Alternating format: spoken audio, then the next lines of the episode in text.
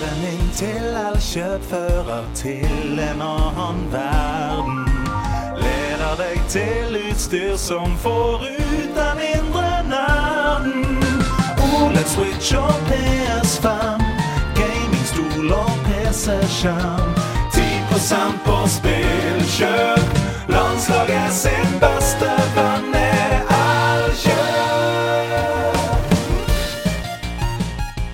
Deg, spiller på nerdelandslaget. Dette er litt uvant for dere kanskje å få før vignetten, men før vi kliner i gang dagens bonanza av en spillbonanza, så har vi en nydelig melding fra Elkjøp, våre venner. For denne uka så har jo de flunkende nye Nvidia Superkortene kommet til Norge.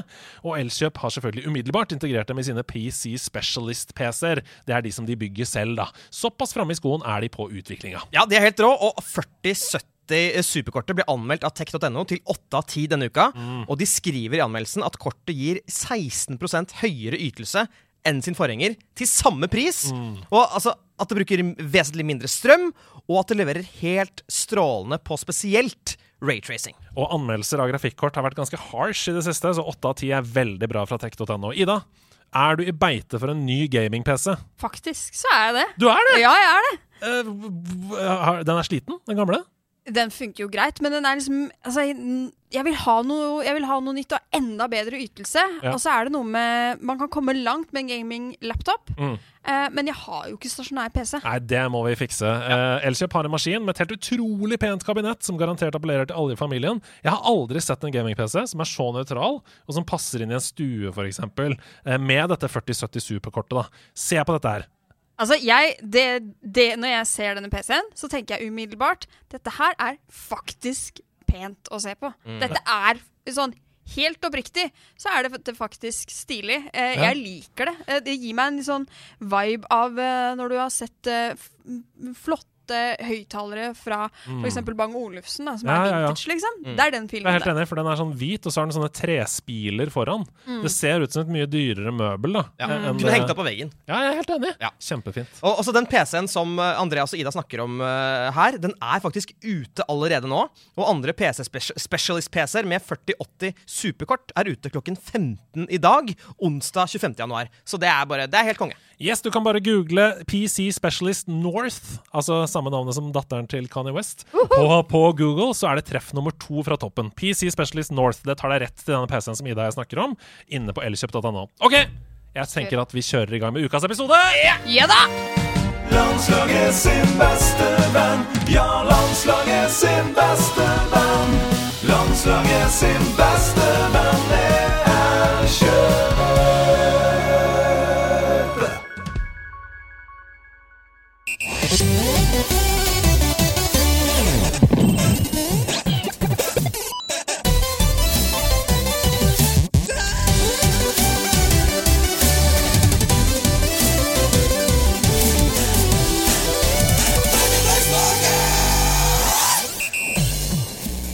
Klokka ringer 2024, og jeg entrer banen! Det er meg, Ida Dorthea Horpestad, hele Norges, vil kanskje noen si. For eksempel jeg. Men jeg er selvfølgelig ikke alene!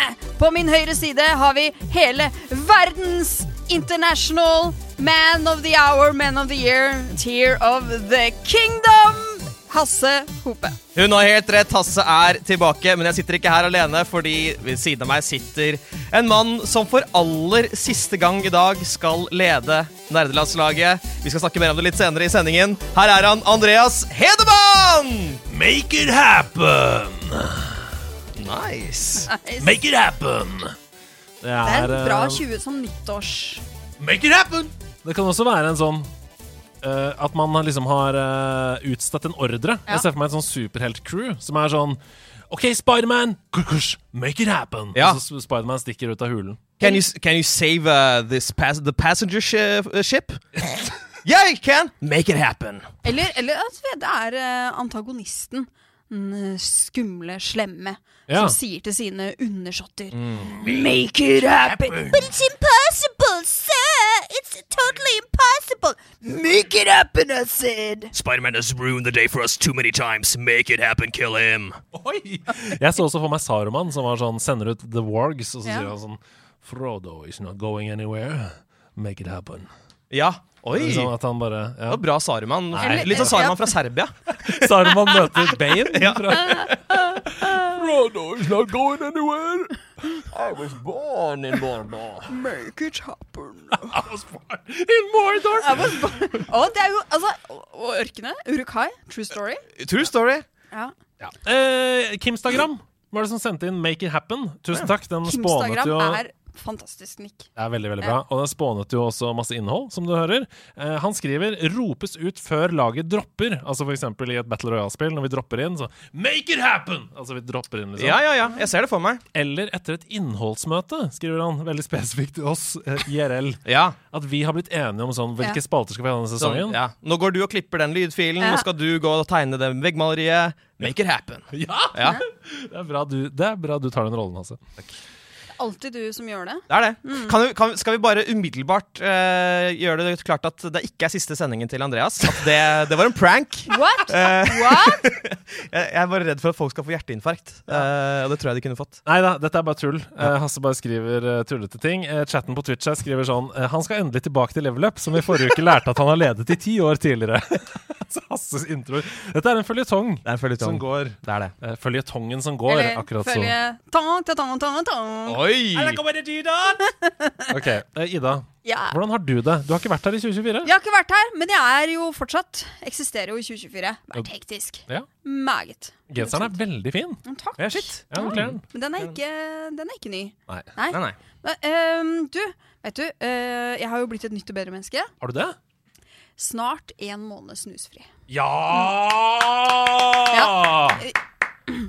Well, I'm impressed. Ja, Idet du lytter til denne episoden, så er jeg, med mindre jeg har sprekk i, så er jeg en måned snusfri.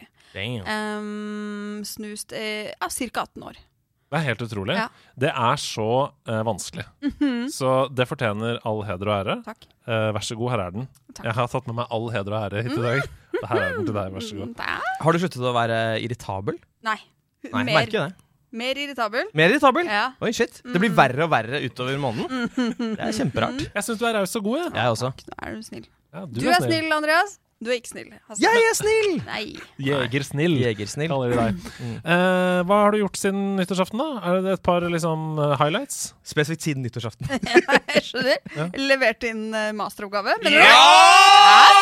Det var dit jeg ville! Ja, ja, ja, ja, ja! Kompetanse, kompetanse, kompetanse. Du er jo prinsesse selv, da. Men jeg, eh, jeg tenkte, jeg er liksom, eh, veldig stolt over å ha levert inn. Ja. Eh, meget stolt over det. Dette bare pres- presisere, dette har jeg gjort ved siden av 100 jobb. Ved siden av å turnere som profesjonell musiker. Ved siden av å skrive musikk, spille inn skiver. Ved siden av å være med i eh, nerdelandslaget. Ja, ved siden minst. av å jobbe med dubbing. Og anmelde spill. anmelde spill, ved siden av at jeg har bytta jobb. Jeg har solgt leilighet, kjøpt hus, flytta inn. Altså, det har skjedd så sykt mye. Men jeg har på lørdager stått opp, gått på forelesning. Jeg har levert Ja. hjemmeeksamener, jeg har skrevet en fuckings masteroppgave. Det er utrolig bra. Men la oss ikke feire før jeg vet om jeg har stått. La oss ikke feire før en journalist Ja. sier det er visse likheter Det er visse tekstlikheter i denne oppgaven, og det oi, er det. oi. Det er det, Men jeg håper jo at jeg har huska å referere deg overalt. Å, Oh, shit. Skrevet samme masteroppgave som Mr. Beast, for eksempel. Hvis jeg referanser til Mr. Beast fra Ålesund universitet. Ja. Jeg vet ikke hvorfor jeg tok det som eksempel. Jeg likte det veldig godt. Hva med deg, altså? Hvordan har du det? Um, jeg, har det, jeg har det veldig fint. Um, jeg har stått på siden Altså, jeg var jo her forrige uke, så folk vet jo litt eh, hva det går i. Da hadde jeg kommet hjem fra Thailand og sånn. Yeah. Uh, Det som står på denne uken, er jo at altså, vi har virkelig re, eller på en måte relansert uh, søndagsquiz. Ja. Uh, ja, ja, ja, men det er ikke samme, ikke samme applaus som masteroppgave. Um, dette er jo podkasten som vi lager her i Nederlandslaget, jeg og Kristoffer Pale. Og nå har vi rett og slett starta en eh, Altså, vi har virkelig satt i gang med Patrion, og der går det nå an å få bonusepisode. Hver torsdag, hver torsdag kan du få bonusepisode om du går inn og blir eh, støtter, og støtter oss der. Mm. Og de bonusepisodene er enda bedre enn enn de andre episodene. Det er fordi du har på en måte et slags privat forhold til lytterne gjennom den. Ja, jeg sitter aleine og, og lager spørsmål som jeg vil at dere skal få. Så det kan dere gjøre. Spennende. Masse som du tenker at uh, dette hadde Toffe klart, derfor tar jeg det ikke med i podkasten. Ja, altså jeg vil si at det er enda mer nerdete spørsmål. Oh. Og, ja, så det, det, skal, det skal regne litt nerdespørsmål utover eh, året. Det er veldig bra. Hva med deg, Andreas? Du, Jeg var her på House of Nerds på søndag for å være sammen med en venninne av Camilla og meg, som heter Åse. Hun hadde med seg sin sønn, som heter Henrik. Han elsker Zelda, han elsker Pokémon. Eh, med andre ord, god venn av meg allerede. Nice. Selv om han er bare åtte år. Men vi kommer godt overens. Eh, vi spilte Mario Kart, vi spilte Switch Sports, vi spilte Smash. Vi spilte masse forskjellig. Men grunnen til at jeg tar opp dette her nå, det er fordi Åse Det var første gang hun var her. Mm. Eh, og hun Du kjenner henne kanskje? Åse Marie Hole. Hun er redaksjonssjef i NRK. Hun sa noe som jeg syns var så utrolig fint om House of Nerds. Og dette var bare sånn førsteinntrykk etter å ha vært her en time. Hun skrev, eller hun sa, House of Nerds er kjellerstua der det er plass til alle. Å, det er koselig. Den er fin. Og den følelsen, er, er ikke det hele nerdelandslaget? Jeg bare, da hun sa det, så ble jeg sånn Shit, det er jo en beskrivelse av hele NL. Mm. Eh, verdens største kjellerstue. Det er vegg-til-vegg-teppe. Alle er velkomne. Ingen er player 2. Vi bare spiller hele tida, liksom. Ja, det var så koselig, syns jeg. Du, det er nesten, hvis vi får lov av henne, at man kunne hatt det som en sånn undertittel på House of Nerds. Neste gang House of Nerds skal skifte plakat, eller skifte sånn Eh, design, skilt! liksom. Ja. Ja. Ja. Det er veldig bra, for jeg spurte henne om akkurat det. Kan ja. jeg stjele den av deg? Hvor okay. mye royalty skal du ha? Mm. Null prosent. Så. Ikke sant? Klassisk. Ja. Veldig hyggelig. Så om et halvt år så står det Vy, kjellerstua der alle Det er plass til alle. Kjellerstua der det er plass til alle. Jeg synes Det var veldig veldig koselig. Kjellerstua er det tryggeste som fins, eh, også i krigstid. For det er eh, Ja, shit, ja, altså bomberom under andre verdenskrig. Mm. Mm. Og apropos det, ikke krigstid, men House of Nerds. Neste onsdag, 31. januar, Uhu. så er det ny spillquiz med Steffen Lund! Steven Lund. Han er tilbake med helsprø favoritter. Med quiz, eh, med premie til tre lag. Um, dere vet hva dette går i. Dere vet hva det går i, Det er og- alltid gøy, og det er alltid fullt. Det har faktisk vært i- turen inn til Oslo, man ikke bor i Oslo også. Ja, det er det. Mm. Kom eh, i god tid, for det blir alltid fullt. Eh, skal vi snakke litt om gaming, eller? Ja. Er det ikke derfor vi er her? Jo, det er jo det. Ida, hva har du spilt siden Veldig mye. julespesialene? Veldig, veldig, Det er veldig, veldig bra. mye. Kom igjen. Ok, Først så må jeg bare fortelle om at jeg har lana litt i, eh, i jula. Perfekt. Du, Ja. du vet hva? Du er den som laner mest av oss, og Ja. det er jeg så glad for. Uh, så hyggelig. Eh, uh, har jo fått en ny slags interesse for LAN. Eh, og det, altså LAN-spillet som ble denne gangen, var Valheim. Oh. Ja, Jeg har ikke spilt det før, men for et fantastisk genialt spill å spille med andre. Uh, så vi var jo en eh, Vi var en ti-tolv stykker som uh, rett og slett uh, møttes i The Land of Valheim, Mhm. som jo er um, Hva skal man kalle det? Altså, det er jo Du begynner ganske forsvarsløs og naken Mhm. ute på en, et område, og så må man jo samarbeide om å, å, å bygge seg opp teknologi og crafte bedre og bedre utstyr. eh, få i deg mat, få i deg søvn, holdt jeg på å si. Beskytte, beskytte deg mot både elementer og, og fiender. Og det er en, en sånn slags norrøn mytologisk eh, eh, På en måte Ja. eh, eh, Backdrop. ja. Så, så plutselig så kommer det liksom noe som er en drauge. Og, Ja, ja, ja. det kan være det jo- litt av hvert, da. Valheim er jo i survival-sjangeren, Ja. og jeg har jo egentlig stussa litt over at du ikke har spilt så mye av det før. Fordi Mhm. jeg tenker sånn uh, Disney Dreamlight Valley, Animal Crossing, uh, Sims City, Uh, The Sims og ikke minst City Skylines. Mm. Det er jo en del fellesnevnere her. Mhm. Ja. Nei, det er bare uh, anledning og tid. Ja, ja, ja. Men Så ja. Jeg må spørre, for jeg har, liksom, jeg har også tenkt på det å begynne å spille Valheim. Hva er det, Når er det aller, aller gøyest? Hva skjer da? Jeg vil si at jeg syns det var morsomst idet man eh, som lag klarer å komme seg på en måte vekk eller videre fra platå, da. Altså, hva, hva vil det si? når man sammen har klart å komme seg opp et nivå, og så opplever man kanskje at nå går det litt treigt, nå har vi stått stille lenge, vi skjønner ikke helt hvor vi skal videre, vi skjønner ikke helt hva hva er neste mål vi skal nå. Når du da liksom endelig klarer å finne ut av å ja, vi skal gå dit og drepe den bossen, og så skal vi gjøre det ritualet, eller noe sånt, og, du liksom, og da unlocker at man plutselig kan komme seg mye, mye bedre videre. eller hva skal jeg si? for noe? Ja, plutselig så kan man få mye bedre um, uh, armor eller sverd. et slags sverd. Eller, nivå som Ja. du kommer over, Ja. liksom. Mestringsfølelse. ja. Og så da blir det jo gjerne mye enklere å komme seg videre til nye Ja, områder osv. Uh, men, uh, men det jeg syns var vanskelig, er når man har vært eh, borte litt, og så plutselig så har de andre bare kommet så sykt mye lenger, og da blir jeg helt ubrukelig, Anna. For da er det sånn Kan noen ta meg med på raid, liksom? Ja, fordi- Eh, det eneste ikke- jeg vet om å gjøre, er altså, det, det er ikke noe vanskelig for de å liksom, crafte en ny armor til meg. Og, og sånn, men det er bare Mm. at jeg jeg, jeg veit ikke helt hva vi driver med. Mm. og så løper alle, på en måte. Ja, Og du har man, kanskje ikke låst opp de nivåene engang? Altså crafte-nivåene og sånn? Så det optimale er egentlig at man alltid spiller det sammen. Altså Hvis du finner deg en gjeng du spiller det med, så burde dere alltid passe på at dere spiller Ja. det sammen. Det er litt sånn som hvis du sitter og ser på en TV-serie med typen, Ja. og så har han plutselig sett ni episoder, og så er det sånn eh, Ja, Fikk ikke helt med meg Fikk ikke med meg hva som skjedde nå. Ja. Mm. Eh, Men, men det er klart at det, det kommer helt an på hvor gode pedagoger man er og da, med å ta med hverandre og liksom vise hverandre nok. Og, Ja. og, det, og det er jo kjedelig når man plutselig skal Å ja, nei, vi må vente på den og den. Eller, man kan jo i hvert fall like mye kjenne på det sjøl, at jeg dør bare. Eh, drit for dere å vente på meg. Mm, jeg skjønner. Men Valheim, kjempegøy. Har også bare anbefale spillet Dredge. Å, det er Ja så bra! da! Eh, Så bra. ble helt hypnotized. Eh, Fantastisk. runda Jeg bare kosa meg så sykt med Dredge.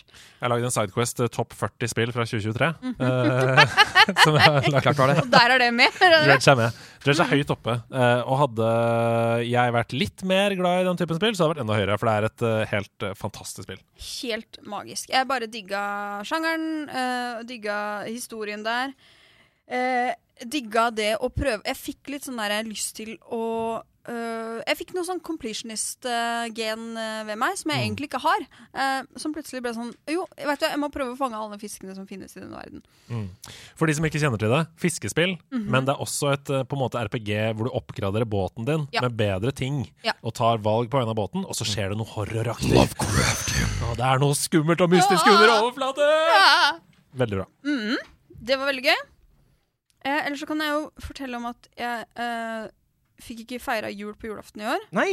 fordi jeg hadde mega omgangssjuke. Oi. Ah, Det er ai. det verste. Det er det verste, det. Jeg er livredd for omgangssyke. Ja. Det er kjipt i seg selv. Ja, jeg er irrasjonelt redd for Ja. Nei, du går ikke an å være irrasjonelt redd for Jeg er rasjonelt redd. For å, for å sitere min kjære samboer, som jo var bevitne av hvor dårlig jeg var. Eh, Ida, jeg vil heller dø enn å gå gjennom det du har gått gjennom. Ja. Ja, Men slapp han det? Slapp han ja å gå gjennom? han eh, slapp å gå gjennom det. det. Det var jeg som spydde og bæsja på meg. Hele, ja. Eh. Forferdelig, altså. Eh, Men- Kondolerer, holdt jeg på å si. Takk. Ja. Fikk du feira julaften en annen dag? eller? Ja, jeg gjorde det. Ja, gjorde det. Og da, til min store glede, eh, så åpna jeg eh, Tusen takk fra svigers, som ga meg God of War Ragnarok. Oi. Snakk Altså, om sviger. Ja! snakk om smyger. Snakk, Nei, jeg sa svigers. Hvorfor skulle jeg si smyger? Hvorfor skulle jeg si smyger der? Det er jo å fise i det skjulte. Jeg bare jeg, Altså, for noen snille Ja. eh, svigerforeldre. Magiske svigerforeldre. Og det å få spill til jul, det er det beste som fins. jeg, jeg pleier alltid å ønske meg spill som jeg av en eller annen grunn tenker sånn Jeg, jeg har ikke lyst til å bruke Jeg, jeg er nysgjerrig på det, men jeg har ikke lyst til å bruke full pris på det.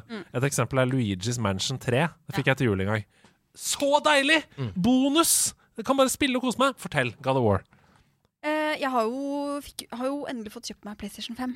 Oh. Ja. Ja, det gjorde du på Spillekspo. ja, jeg gjorde det, vet du. Og så har det vært litt mye å gjøre, så jeg har liksom ikke hatt så mye tid til å spille. Men jeg har liksom hele tida tenkt at det jeg skal spille, er jo God of War. Ragnarok. Endelig fikk jeg det. Syns det er dritgøy. Å, fy fader, for en maskin uh, PlayStation 5 er. Uh, jeg, ba- jeg koser meg veldig mye. Syns han uh, hengende hodet Mimir. Ja, Mimir. Litt irriterende. Jeg òg! Det er shots fired for meg! Eh. Nei, jo. Han er verdens mest irriterende! Dra til Bloksberg! Ja. Fantastisk karakter. Jeg, I think you should uh, put your axe up on the spot over there etter ti sekunder. Ja. I think you should uh, drag on the treader over. You're going the wrong way, brother. Er det ikke, Turn Atri- around. er det ikke Atreus som pleier å si alle de irriterende tingene der? Jeg føler Jeg Mimir er litt mer sånn feinschmecker. jeg syns også han er litt irriterende. Ja, nei, da er tre så irriterende.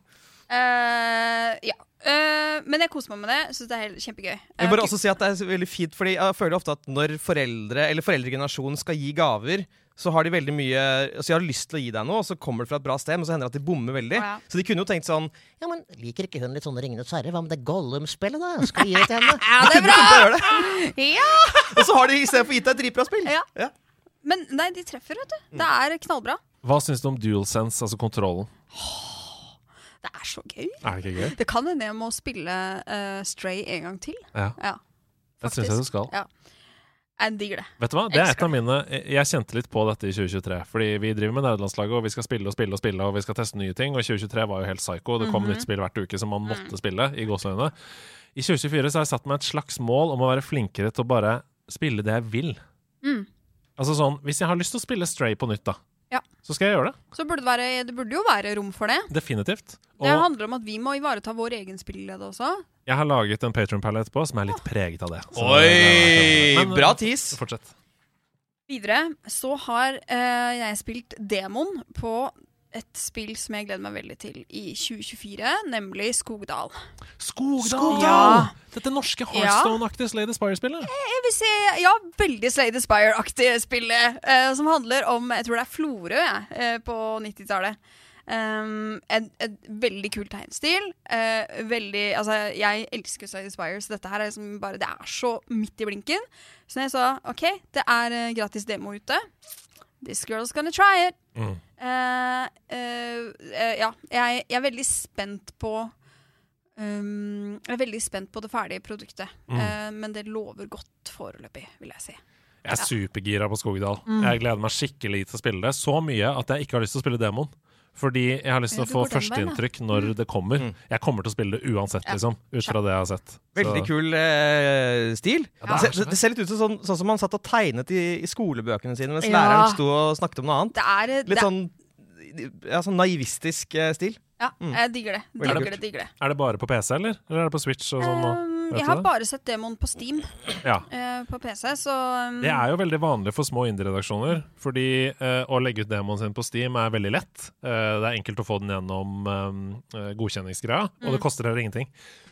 Så det i forhold til å få den på Nintendo Switch, da, som er en mye større prosess. Men det jeg tenker for min del vil være det som gjør at det blir my money's worth, er hvis jeg kan spille det på mobil eller iPad Ja, ikke sant. etter hvert. Ja. Det vil gjøre at det går fra å spille kanskje ti timer til å spille det 100 timer i løpet av året.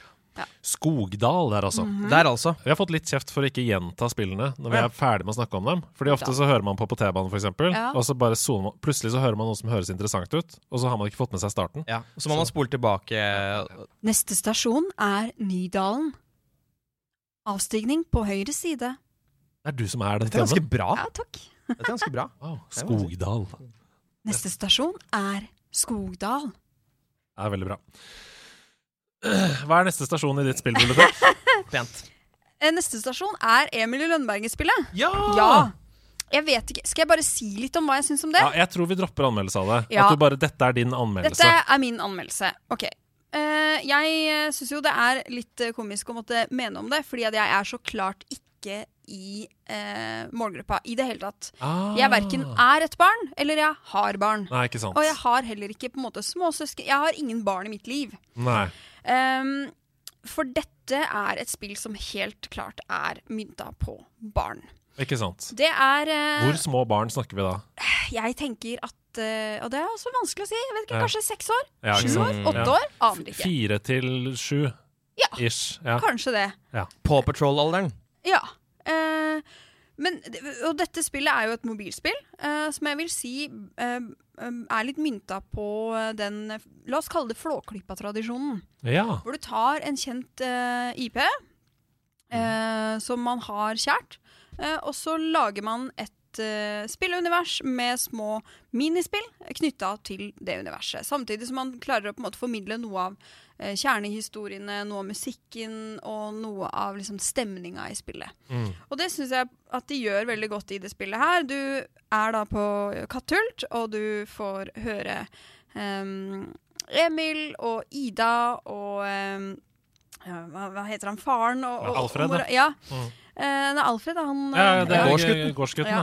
Mm. Eh, hvert fall um, Og du kan klikke deg inn på små liksom, eh, kriker og kroker inne på Katthult, om det er eh, der som eh, eh, Lukas, hesten, står, eller om det er i, inne på kjøkkenet. Ja. Så kan du få gjenfortalt noen eh, småhistorier fra det universet, eller du kan utføre små minispill. Men det er på en måte sånne faste tablåer. Så Ja. at når du er ute, så er det en eh, fast bakgrunn. Der ser du at det er en hest som beveger seg litt. Der borte er det en flaggstang. Du kan trykke på de forskjellige tingene, liksom. Og så kan du gå inn der og gjøre Jeg skjønner. ja. Uh, Da er det jo helt essensielt da, at man får følelsen av at man er på Kattehult. At man blir sugd inn i det og glemmer alt utenfor. Og bare 'Å, nå er jeg endelig får jeg lov til å være besøke Emil'. Ja. Får du den følelsen? Nei. Ikke sant? Eh, og det henger jo sammen med at dette er et mobilspill som er mye mindre Ja. enn Flåklypa-spillet, som er mye Altså, det er jo eh, Samtidig som jeg følte nok kanskje ikke at jeg ble som helt sugd inn i Flåklypa heller, men klart enda mindre nå. Det er noe med det at du har, si. du har lyst til å finne ut av alt er. Hva er Ja. under den bøtta? Ja. Altså, du, du føler at du er der, liksom. Ja. Og at bare når du trykker på noe, så rister det litt i bøtta, så kommer det en liten bille ut, liksom. Er det sånn levende, hvis du skjønner hva jeg mener? Nei. Nei ikke. Ikke i nærheten av det som Flåklypa er, hvis vi, hvis vi skal sammenligne Det det. Men det tenker jeg at det er også Dette er jo et mobilspill. Eh, hvor det er eh, mye færre tablåer, og det er mer statisk. Og du kan på en måte zoome inn, zoome ut, og så gå inn i forskjellige noen få sånn eh, på en måte steder eller scener, da. Mm. Eh, jeg vil eh, Der Flåklypa-spillet gir deg en sånn overordna quest med at man skal samle deler, en motivasjon for å gjøre det bra i minispill, så savner jeg det i Emilie Lønneberg-spillet. Du har ikke det overordna målet med at å, her må vi prøve å få gull på disse minispillene, fordi da får vi et eller annet. Um, det er mer bare selvstendige minispill uh, som kanskje um, ikke jeg syns var så bra. Uh, det mangler um, Altså, en del av de minispilla forutsetter kanskje f.eks. reaksjonsevne, og så opplever jeg at spillet ikke klarer å agere like raskt som jeg trykker, eller ja. Og jeg mener jo at du er godt kvalifisert for å si noe om det, for selv om du sier at kanskje eh, datteren til Stian burde egentlig anmelde dette. Ja. hvis du tenker på målgruppe, så er det sånn du har kost deg med minispillene i Flåklypa. Det har jeg gjort. Og det er en god sammenligning. Jeg Mm. mener at det er på en måte bransjestandarden da, for disse typer spill. Jeg vil jo si at uh, det er veldig hyggelig i, nei, i øh, Emil Lønneberg-spillet å lytte til uh, musikken som jeg kjenner igjen fra barndommen, og se tegningene uh, osv. Og så er det noen kule mekanismer lagt inn med at et, noen av minigamene kan du faktisk spille mot noen andre. Så du kan på en måte dele skjermen i to, og så kan man spille på hver sin side av skjermen. Mm. Men bortsett fra altså For meg så blir det eh, fort litt kjedelig. Det er koselig, Mm. eh, men det blir fort litt kjedelig. Gi oss en score. Eh, 50 av 100. Midt på treet. Ja. Midt på treet. Kunne vært bedre, Ravn Studios. Beklager. Vi er kanskje ikke i målgruppa, Ja, men det, det, eh, det jeg tenker, Vi må ha respekt for at jeg er ikke i målgruppa. Respekt. til Grandiosa. Ja. Eh, er det noe annet du har spilt, Ida, eller vil du slenge ballen over til din venn på venstre side? Og For nå har jeg merket at vi Coasters med deg! på! coasters med meg på! Jeg har ikke sett det før nå! Helvete, Vær så god. Er ikke det fantastisk? Hvor har vi fått det fra? Fra en nydelig spiller på laget som kom du? hit og leverte oss fysisk. Tusen hjertelig Er takk. det eh, Det hører til her, det, kanskje? Ja, det gjør det. Ja, ah. Det må, den skal bli her. ja, vi vil ha den med hjem. Ja, men det er Ja. kopi. Jeg har bursdag i oktober. Ja, vel. Ja. Vil du sende ballen videre Jeg til gjør Hasse? Ja. Jeg gjør det, da. Hasse, Ja. har du spilt uh, Livets spill? Jeg har spilt livets uh, spill. Jeg tenkte bare først å eh, oppdatere dere på eh, at jeg fortsatt spiller Baldur's Gate 3. Jeg snakket om det sist også, men det kommer meg ikke videre. Um, og nå har vi kommet dit at Ikke kommet deg inn porten? jeg Nei. The Gate? Jeg har ikke gått gjennom uh, selveste Baldur's Gate-porten. Det vil jeg bare ha sagt. Mm. Um, uh, og nå har vi kommet dit at jeg bruker så mye tid på det at jeg må faktisk tenke litt på å uh, altså bli ferdig. Jeg må gjøre de mainquestene og så bli ferdig, for jeg får ikke plass til andre ting!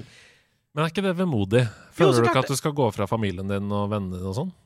Jo, men Det er jo det jeg gjør med, når jeg spiller boller skate, Så går jeg jo fra familien og vennene mine. De, ja, De å ja. IRL-familien. Ja! Så jeg må rett og slett uh, la den gjengen seile sin egen sjø ganske snart. I Familien og vennene dine? Ja, IRL? jeg, jeg tenker det. Du skal på cruise? Jeg skal på cruise med uh, vampyrgutten og resten av gjengen. Ja. Så denne uken her skal jeg bli ferdig med det, rett og slett. 20-30 timer igjen, sikkert. Du, ja. Ja. Eh, kondolerer og gratulerer. Ja. For det er jo en helt fantastisk opplevelse. Fantastisk. Eh, Jeg kommer til å spille gjennom igjen om kanskje et halvt år eller noe. Det er et 100 av 100 spill. Hadde du med deg BG3 til Thailand? Skal vi se Nei! Jeg hadde ikke med meg min PlayStation 5 til Thailand. Rookie mistake. Ja, men da tenkte jeg at nå skal jeg heller spille livets Boulders G3, som er å ligge på stranda og lese en biografi om Lyndon B. Johnson. Ja. Um, jeg, Å, spennende. Det er veldig, veldig spennende. Men det er ikke det jeg skal snakke om i dag. Nei. Jeg skal videre til neste spill jeg har spilt. eh, og dette er et spill som jeg fikk anbefalt av Andreas Sedemann Oi. Og jeg følger jo dine tips slavisk. Oh, du treffer alltid. Eh, Vampire Survivors. Eh, hvilke, andre tips, hvilke andre spill har du da anbefalt? Det er på vei til å komme et men her. Ja. Men ikke denne gangen. Super Mario Wonder. Fantastisk. Det fikk jeg av en Fantastisk spillopplevelse. Mm. Og så fikk jeg da tips om å spille spillet Nuts. N-U-T-S. Eh, og det Nå skal dere høre hva dette spillet uh, Slapp av, Andreas. Du må ikke være redd. Ta det med ro. Jeg er veldig spent. Ok, Nuts går ut på at du um, drar ut i skogen og bor i en campingvogn, og så er din jobb å uh, finne ut hvor de ulike bestandene av ekorn eh, bor i denne skogen. Fordi det er et slemt selskap som skal, de har lyst til å bygge. Og for at du skal unngå det, så må du kunne vise til at nei, men her bor det ekorn. Så dere kan ikke bygge her. Så det er din jobb, da. Og grunnen til at jeg anbefalte dette, er fordi det har liksom Firewatch-stil. Jeg skulle komme Å, faen! Unnskyld. Nei, det går helt fint. Det, det, det, det er egentlig bra at du sa det nå. Jeg skulle, det var neste setning jeg skulle si. Og det minner litt om Firewatch.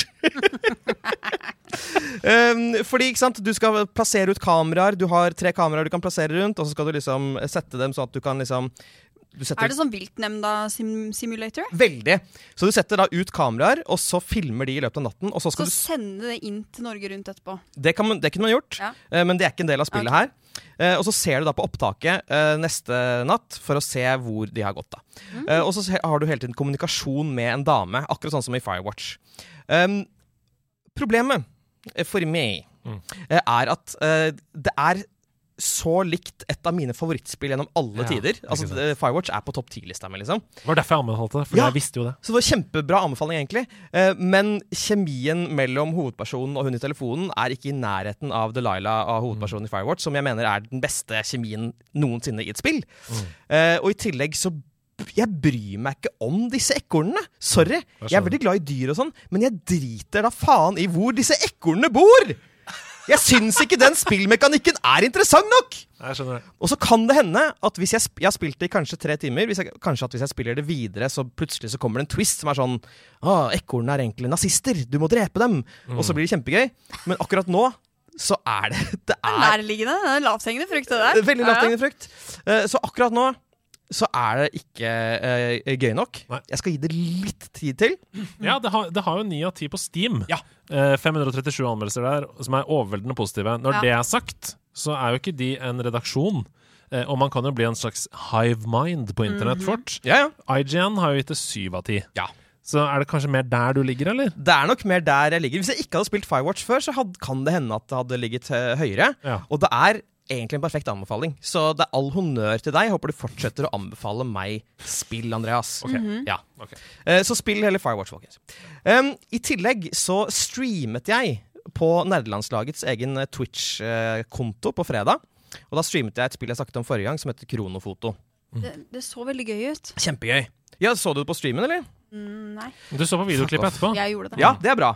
Eh, kronofoto det er jo da eh, kort fortalt altså at du får opp eh, fem bilder, så skal du si når var det dette bildet ble tatt mellom 1900 og 2023. Utrolig kul mekanikk. Veldig kul mekanikk. Og så mens jeg spilte det, kjempegøy i chatten, og folk var med å gjette osv., så, videre, så var det noen som anbefalte et spill som minner, som heter Time Guesser. Mm. Og det er rett og slett kronofoto pluss geogesser.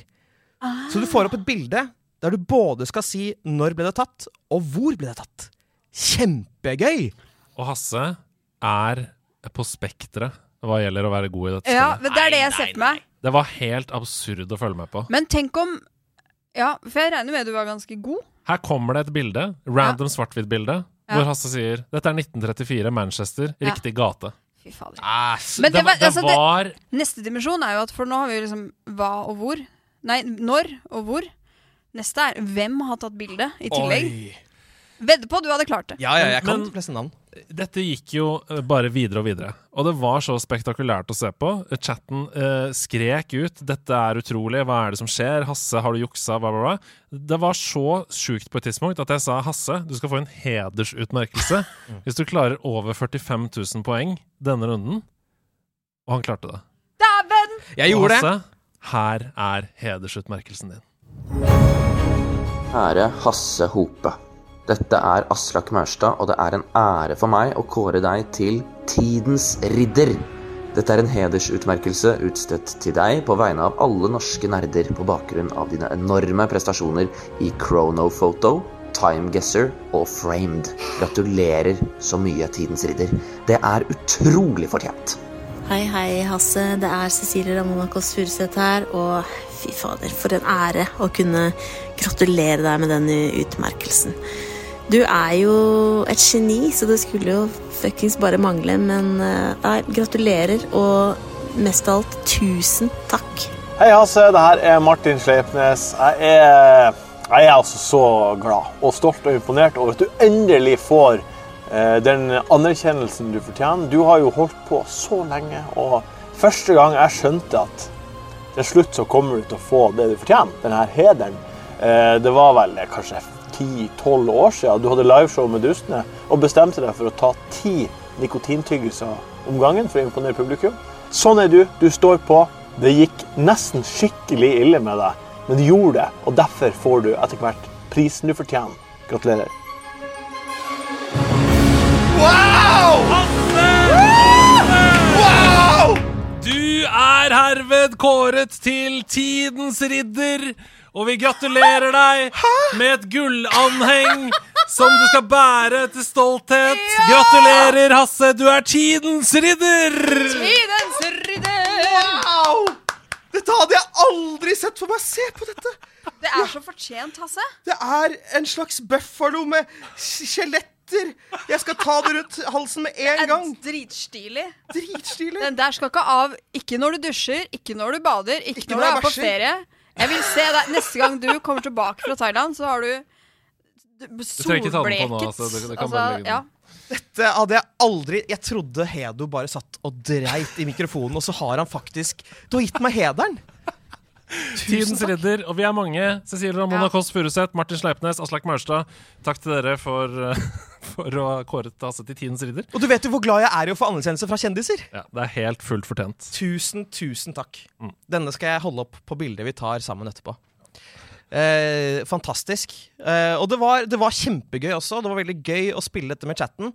Og så gikk vi da videre til å da spille eh, det siste, den siste tieren, som var da framed. Som er at du sitter og får opp eh, et bilde fra en film. Så skal du gjette hvor, eller hvilken film det er. Og så begynner, Det første bildet er helt sånn obskurt. Det er sånn eh, en skog. Eller eh, et, et vann. Det er helt umulig å gjette. Og så blir det litt og litt lettere eh, for hvert, eh, hver frame du får opp. Da. Eh, sykt vanskelig, men veldig, veldig gøy. Og høydepunktet der var rett og slett da jeg fikk opp et bilde Helt tydelig fra en eller annen slags westernfilm som ikke jeg hadde sett. Men så så jeg ryggen til en person. Så sa jeg dette syns jeg ser ut som ryggen til Daniel Craig. så jeg skriver inn da den eneste cowboyfilmen jeg tror han har vært med i, som er Cowboys and Aliens. En film ingen har sett, meg selv inkludert. Og så er det riktig. Fy faen, det er så Utrolig rått. stort. Utrolig Det, stort. det er helt fantastisk. Altså, hvis man er glad i film, så syns jeg Frame det er et fantastisk spill. Du får altså opp, eh, som du sier, da, én frame fra, fra en film. Eh, og Hasse tok jo alle. Det var aldri noe tvil om det. Selvfølgelig. Du er jo tidens ridder. Jeg er tidens ridder. Altså, dette her må eh, Tidens ridder Du får et eget segment i veldedighetsstreamen som er i september. Uh, Tidens ridder viser oss sin makt. Ja. Å, dette var stort. Kan vi få tak i et sverd og få han Tidens til å gå på kne? Ja, og bare få han til å liksom Ja. k- Hva heter det når man sverger? I, I, I dub thee. Ja. Altså gjøres til ridder, rett og slett, av tid. Kan vi, eh, hvem har den makten? Aslak Maurstad. Han, er- han den eneste Ja, som er nødvendig. ikke en urmaker. Kan høre med Urmaker Bjerke om det er noen sverd. Ja. Mm. Fordi de, de er leverandør av sverd, ikke av, ikke av hedersutmerkelsen Tidens ridder. Noen ganger så sier eh, Jeg har hørt på noen podkaster sånn, hvor det er sånn dilemma. Si en setning som aldri er sagt før, Mhm. eller så blir du drept. Mm. Og da er det sånn Vi kan høre med urmaker Bjerke om de har noen sverd. Ja, det er, Premiere på setning. Jeg tror du hadde overlevd. Ja. Så det, var, det var meg. Fantastisk. fantastisk Gratulerer, Tidens Ja. ridder. Jeg tar tidens ball og sender den videre til deg, Andreas. Det er en ære å få det av Tidens ridder. Jeg har tatt med tre spill denne uka her, og det første er et spill som jeg ble anbefalt av Kristoffer Robin Omdal. Hei til deg! Hei, Chris. Via hans Instagram-story. Han sa 'du burde spille det her'. Eh, nå ble jeg fra Stavanger, plutselig. Han er fra Mandal. Er fra Mandal. Um, og det er Lego Builders Journey. Det jeg også at Mm. han anbefalte. Og grunnen til at jeg plukka opp dette, det er fordi jeg har jo overtatt eh, PlayStation Portal fra uh, Steffen. Ja. For den fungerte ikke optimalt på hans helt normale nettverk eh, hjemme. Eh, den støtter jo f.eks. ikke Wifi 6, selv om PlayStation 5 støtter Wifi 6. Så det er jo helt horribelt hårreisende. Anyways, spill som dette gjør seg godt på PlayStation Portal. For dette er jo et puzzle-spill. Der hvor du blir tildelt veldig naive, nedstrippede versjoner av legofigurer, og skal flytte rundt på objekter, slik at f.eks. en liten barnelego kan komme seg over en elv til den andre siden. Ja. Det høres kanskje kjedelig ut. Det er veldig zen. Hvis noen husker tre uh, Toad Treasure Tracker, som var et spill på Nintendo Switch der hvor du spilte som Todd, og så roterte du banen, og så skulle du gå rundt og finne hemmeligheter og sånn på sånne små tablåer av noen baner. Det er litt det samme. Jeg mener at dette er et mye større spill enn man tror i utgangspunktet. Man tenker sånn Å ja, dette er bare en sånn Lego-spill. Det er sikkert for barn. Nei da! Dette er for alle. Hvis du er glad i små zen-opplevelser, eh, så syns jeg Lego Builders Journey er helt strålende. Jeg spilte det på PS5, som sagt, slash PS Portal, da. Eh, men det fins på alle konsoller og PC. Ja. Og, men er det, er det et narrativ her? Ja, er- ja. det er det. Mm. Det er ingen replikker. Nei. Men det er, et, det er et narrativ, akkurat som at det er et narrativ i eh, andre spill av puzzle-spill av denne typen, der du dras gjennom ja, en slags historie, da. Mm. Det er ikke verdens beste historie, men det gjør ikke noe. For det er ikke det som er poenget. Eh, har dere spilt um, Det er sånn mobilspill hvor du må rotere banen? For du jobber Fez? Nei, du jobber i puzzles, på en måte. Og Ida? Eh, Nei, hva heter det for noe?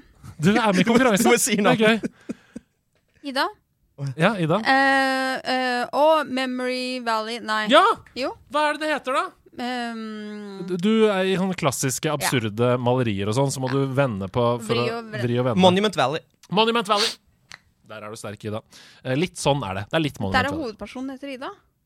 Greit. Gjør hun det? Jeg tror det. Og Jeg gjør hun det? Jeg trodde Ja. du trodde, tenkte at du var med i en quiz. Jeg også, men jeg også Vi kjører dobbel betydning. Ja, det er bra. Mm. Så har jeg spilt et spill som jeg skal anmelde til neste uke. Så jeg skal ikke snakke altfor mye om det, men det er Prince of Persia. Ja. The Metroidvania. Lost Crown. Ja. Sett litt, eh, sett litt eh, videoer. Eh, veldig spent. Ja. Ja. Jeg, jeg kan jo si såpass at det er veldig bra. Åh. Eh, det er veldig bra, altså. Har du spilt mye Metroidvania-spill? Ja, Mm. det har jeg. Hvilken Eh, konsoll spiller du på? på? Men Switch? spesielt etter Spesielt etter at jeg ble med i nerdelandslaget, Mm. så har den sjangeren fått seg en oppblomstring for meg. Jeg spilte jo f.eks. Metroid Prime Remastered i fjor, som jo er 3D-Metrovania. Dette er 2D, uh, Prince of Persia, da. Men Metroid Dread, for eksempel, Mm. spilte jeg jo. Og Castlevania har jeg plukka opp i Har det holdt seg-spalten. Så det har fått, eh, altså den sjangeren har fått seg en ny vår hos meg. Og kanskje til og med Ubisoft får seg en liten ny vår? På tide, det. vi får se på det, altså. Ja. Fordi det, jeg har spilt på Xbox. Du har spilt på Xbox. For å svare på spørsmålet Mhm. ditt, og det er fordi det er inkludert med Ubisoft Pluss, som er okay. deres abonnementsløsning. Jeg har sett eh, på litt sånn Når jeg har sett på litt Release Radar for Switch, så er jo det en av de spillene som blir trukket fram som dette er noe av det vi gleder oss til. Ja. Eh, som har fått ganske Som eh, overskygger ganske mye annet. Mm. Um, Jeg synes det er eh, ja, Som sagt, dere skal få høre mer i anmeldelsen i neste uke, men det er um, et et spillspill. Mm. Det er veldig deilig å sette seg ned med og bare spille et spill som er sånn eh, komboer og dodge rundt Ori, liksom. Det, Ja. det er jo det det føles som. Mm. Um, oppgradere, bli kulere, åpne bue som du kan skyte fiender på lang avstand med. Skyte litt, og så dodge, ta en boss. Og så, ja, ikke så mye gunning. Ok. Uh, så ja, Prince of Persia, The Lost Crown. Uh, Ubisoft Pluss koster 119 eller noe sånt. Uh, og spillet i seg selv koster jo 400 kroner. Så ta en måned med Ubisoft Pluss, da. Ja. Så får du Prince of Persia Lost Crown til en tredjedel av prisen. nice. Og så har jeg sunket noen timer ned i ukas definitivt store snakkes, Palworld. Oi, oi, oi. Og jeg er jo ikke noen survival-spiller, jeg. Nei. Så hvorfor har ikke du spilt dette? For jeg var ikke kl Jeg har levert master. Ja. For Det er eneste grunn. Palworld Uff a meg, Ida. Ja, Der, skal dit, skal jeg dit ikke det? skal du. Åh. Dit skal du, altså. Selg det inn. Eh, Jeg eh, begynte å spille dette spillet, blunka, det hadde gått to timer. Ai. Eh, og, det er inkludert i Xbox GamePass. -hmm. Det er på en måte to varianter. Hvis du spiller det på Steam, så kan du spille på en server der det er 41 andre. Det er 42 som er maks på serveren. Uh, og man kan dele det. I nederlandslaget har vi flere servere og sånn. Uh, og det er det som er gøy. Stian spiller der, ikke sant. Og han er jo god i PVP, så han angriper alle de andre og er en sånn irriterende. Eh, men på Xbox så er det bare lokalt du kan Altså du kan spille med inntil tre andre venner på en liten server, da. Du kan ikke dele på tvers av PC og Xbox, så det er Microsoft sin feil. Spillutviklerne vil gjerne at det skal være mer åpent, men, men Microsoft vil ikke det. Eh, Kan man spille aleine? Ja. Ja. du kan også spille på en sånn singleplayer, og det er det jeg har gjort nå. ja, for jeg tror det er kanskje veien for min del. Det tror jeg også. Ja. Og du kommer til å kose deg så fælt, Med altså. mindre jeg skal spille med Fredrik. Og Palworld er et survival-spill, Mhm. først og fremst. Det er ikke Folk sier sånn dette er en Pokémon-klone. Det er det ikke. Det er først og fremst et survival-spill som minner om Valheim. Du må finne ressurser Nei, det minner om Minecraft. Det er det det minner om. Men er det, hvilke perspektiv? Er, det, er vi første person, eller er vi litt unna? Tredjeperson bakfra. Åh, deilig. Mm. Det er så Eh, bra. Så du går rundt, du um, lager deg en workbench for å få deg pickaxe. Da kan du ta stein, og du kan lage øks, og du kan hogge ned trær. Da kan du bygge deg hus. Eh, og så skjønner du sånn Oi, det går noen skapninger rundt her. Mm. La meg bygge en sphere. Som minner mistenkelig om en pokerball. OK. Og så kan du da gå ut uh, og em, fange masse forskjellige pals som er rundt i den verden. Ja, for det er pal. Det heter pal pga. kompis. Ja, Ja. Your pals. Your pals. De er da vilt i naturen, ikke ulikt uh, Pokémons. Ja, ja, ja. Så fanger man dem, og så bruker man dem enten til å battle mot uh, andre fiender da, som er større enn deg selv, små bosser og gjøre dungeons og sånn, eller at de jobber på din base. Ah, Sånn du kan for eksempel, Hvis du sammenligner det med Pokémon, så se for deg at du, tar, du fanger Pikachu, og så får du Pikachu til å harveste trær. eller til Pickaxe-chu. å- Pickaxe! Hasse, det er så utrolig bra. Eller kanskje nærliggende øh, jobbe med å lage strøm. For eksempel. Eh, Løpe i et ja. for eksempel. Men eh, ja, så er det det. Og du må sørge for at alle eh, palsene på basen din har mat, og at du overlever, for det er jo et survival-spill. Eh, du må sove om natta, lukke døra og lage senger til palsene dine, så de ikke blir lei seg. Det er veldig koselig, veldig gøy hvis du liker Animal Crossing, Minecraft, Disney Dreamlight Valley eller Pokémon. Altså, det, det appellerer til så mange, dette spillet. Så ja. Dette skal jeg spille. Det er en enorm Kan man spille det på Switch, for eksempel? Eller er det kun det er PC og Xbox? PC og Xbox. Og jeg tror kanskje per nå at den beste opplevelsen er uh, på PC. Mhm. Fordi det er jo en del inventory management og sånn, litt som i Boulders Gate, Mm. som jeg mener at gjør seg bedre med mus og tastatur. Mm. Jeg har spilt det på Xbox og har ikke noe problem, altså. Men det er litt sånn knotete å komme inn i. Ja. Uh, og hvis du har lyst til å teste om det er for deg, så er det jo inkludert i Xbox GamePass, som jo også ligger på Windows. Så du kan jo teste det der først, og så hvis du digger det etter to timer, som jeg tipper du kommer til å gjøre, så kan du eventuelt kjøpe det på Steam, da. Nei, det er utrolig gøy. Jeg er ikke så hardt inne i survival-sjangeren, så jeg kommer nok ikke til å gørse over dette i 100 timer. Eh, det gjør Stian. Han er allerede Han gørser, han. Han er så dypt i det! Han, altså, dette spillet har greid å dra Stian ut av World of Warcraft, Oi. og det sier jo alt. Så ja. Han bor i en sphere, han da. Han, bor Han har flytta fra en familien, flytta inn i en sphere. Nei, men det er helt utrolig. Inne på discorden til nederlandslaget så er det en veldig ivrig kanal allerede, med et stort community som spiller dette. Så hvis du trenger noen å spille med, så kan du gå inn der og finne IP til en server som du kan spille sammen med andre på. Og der er det sånn Jeg trodde jeg skulle spille to timer. Nå har jeg spilt 17 timer i strekk. Jeg må spise mat. Sånn skriver folk. Oi. Helt, ok. OK. ja. Jeg hopper på. Det er veldig avhengighetsskapende. Ja, vi har spilt mye siden sist. Skal vi gå videre, eller? Ja, la oss gjøre det.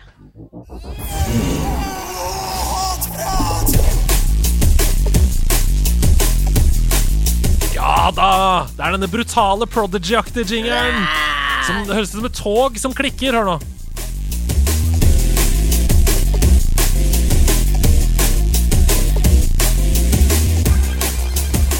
Hørte du toget i det? I Hatprat, det er jo spalten som vant Norske spaltenter i fjor. Det Ja. er jo en eh, spalte som er like enkel som den er genial, den. Den er god, og den er genial. Ja, Hasse har Syns du det er forberedt. veldig rart at ikke den uh, Spå på ring eh, gikk til finalen? Personlig favoritt? Jeg vet ikke. Ja, det, jeg syns det var en god favoritt sjøl, jeg. Takk. Eh, Hasse har altså forberedt hatkommentarer om et spill, og vi to må slå hodene våre sammen i dag Og prøve å fokusere og finne ut hvilket spill det er folk hater på her. Det kan være alle spill, for alle spill, uansett hvor bra de er, Har. er det noen som hater. Ja. Ja, ja, ja, ja, ja, ja. Jeg har vært på internett og lest og greier. Har du lest på internett? Viser, ja? ja, folk liker Folk er forskjellige meninger og greier. Noen er vill- og veldig sterke meninger òg. Oi, oi, oi, oi. Er du klar, altså? Jeg er klar. Ja. Vil du fortelle ha, hvor mange spill har du tatt med? Hva, Vil du har fortelle hvilket spill du jeg, vil ikke, jeg vil ikke det, fordi det, det skal være en konkurranse. på en måte ja, ok, ja, ja. Ja. Ok. Jeg har med uh, to spill og to kommentarer per spill. Å ja, ok, Så det er vanskelig okay. først, og så litt lettere etter hvert? Uh, ja Kanskje. Ellers er det helt likt. ja. Men uh, jeg tror det skal være litt vanskelig, altså. Ok. Da prøver vi å lytte her nå. Ida. Ok, Vi begynner med spill én, da. Ja. The main character is healthy, has a job, own abode, access to necessities as well as digital devices, with a caring mother who regularly who regularly checks up on her to boot. Could it be any more boring? OK. The main Eh. character owns a boat. Ja, og så er det Eh, own abode, som i sitt eget, eh, sin egen leilighet. da. ja. Ok, Jeg For trodde det det er sa en- owns a boat. Det er, bare, det er Jeg veldig trodde det spesifikt. var eh, båt... eh, Men det, dette er en kvinne Ja. eh, som det tydeligvis går ganske bra Ja. med. Eh, og mora sjekker inn. Could it be Eh. any more boring? Ja. Uh, første jeg tenkte, var liksom Pokémon. Fordi eh, Men det er en gutt, ikke sant? Men uh, mo moren sjekker opp, og uh, alt går bra, liksom. Eh, og så er det gøy take på at det er det Pokémon ja. handler om. ja. Men dette er en kvinne, som du sier. Det er det. Er det. Vi er ikke på um The main character is healthy, has a job, own abode, access to necessities as well as digital devices, with a caring mother who regularly checks up on her to boot. Could it be any To more boring? boot. To boot, i tillegg, liksom. Ja, ok. Mm. Ehm, Tja. ja, det høres jo ut som et kjedelig spill, så jeg er litt enig i hatkommentaren foreløpig. Jeg ser for meg at dette er litt sånn er. funny take. At Ja. det er sånn uh, Egentlig så er det et zombiespill, Ja. hvis du skjønner. Men, men så uh, har man tatt tak i helt feil ting. Som The. Last of Us, på en måte. Ja. The main character uh, Has has, a a job. job. Ah, Jeg syns det er vanskelig. Altså. Det kan være The Sims òg, liksom. Ja. Ehm, skal, vi, skal vi tippe The Er Sims, det eller? Florence? Ja. Det kan det være, vet du. Ja. Gri? Gri. Nei, Gree. eh, det er ikke noe jobb i Gris. Uh, vi, vi Vet du hva? Florence. Jeg går for det. Vi tipper Florence. Yes, Da leser jeg nummer to først, og så får dere høre om det er uh, riktig, eller ja. om dere har lyst til å bytte. Mm. Moral of the story? People don't matter. Relationships don't matter. Just do what you want and never compromise because that thing you haven't done since you were a kid is totally going to work out as a new career. Bitch, please. Florence! Er det sant?! Var det riktig? Ja! Ja! Du er tidens ridder! Nei, det er jeg ikke. Du er tidens ridder! Jeg har hatets ridder. Hæ, men hvordan er det? Hatets ridder. Hatets ridder. Det er meg. Hatets heroinne. Ja. Hatets Heroin. The heroine of hate. Heroine of hate! Hatred. Åh, Det er, hvordan kom det til deg? ja, pent. Jeg, det trodde jeg ikke ville skje. Nei, det Jeg, trodde ikke jeg jeg heller. hacka meg inn i mainframen. Ellers var du hacka deg inn på min Google Ja, Docs. jeg har det. For det passa jo mer du leste, så tenkte jeg sånn Hæ, tenk om det er Florence? Dette er helt utrolig. Wow. Jeg er Men, litt ha, satt ut sjøl, da. men har du spilt det i det hele tatt? Noe særlig? Eh, i- bare på stream Ja, her. på veldedighetsstreamen. That's it. Shit, altså.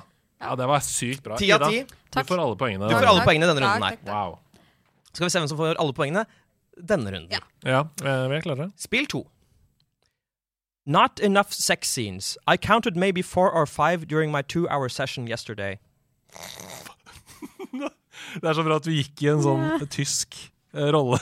I counted uh, I counted Not uh, enough sex scenes. I counted Oi, nå ble jeg han Ja. Ja. skuespilleren. Ja, det ble han skuespilleren. Han- fader, uh, Alan Rickman. Alan Rickman. Not enough sex scenes.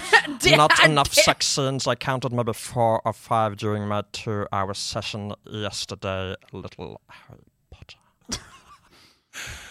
Harry Potter. Hva er det han sier? I counted four or five? I counted maybe four or five during my two-hour session yesterday. Og da er det ikke nok! Ok. Men er dette sånn derre Hva heter det dad date-programmet? det, ja uh, Dream Daddy. Dream Daddy. Daddy. Nei, men vet du hva? Er det Boulders Gate 3, eller? Det er jo seks scener sexscener i øst og vest. Det er det, ja. Uh, Jeg har Eh, ikke spilt det ennå. Men det kan være det. Det er, det er mye sex, men to timer Da har du nesten ikke kommet ut av det første romskipet engang. på en måte. Eh, eh, romskipet? Er det det der? Ja, det er romskipaktig. Um, jeg har ikke noe bedre ikke enn at jeg vet at det er veldig mye eh, på en måte humor om at det er så mye sex i Boulder Gate 3 Ja. på nett. Da syns jeg vi skal kjøre det. Ja. Det eller Fifty Shades of Grey The Game. Fifty Shades of Game! Ja. Eh, vi tipper Boulder Gate 3. Det er feil. Balle. Balle Skate 3. Mm. Her kommer uh, setning eh, to, eller hatprat nummer to. You can do everything you can't do in real life, like cast magic and talk to girls. You can do everything you can't do in real life, like cast magic and talk to girls. Hvem er den personen And talk to girls. Hvem er denne tyskeren? Yes. Er det Cast Magic. Mhm. Et spill der det er masse magi og sexscener. Er det Dragon Age? Kanskje? Dette er ikke min eh, Jeg tror ikke jeg har spilt dette spillet. Har jeg spilt dette spillet? Det er umulig å si. Ja. Ikke sant?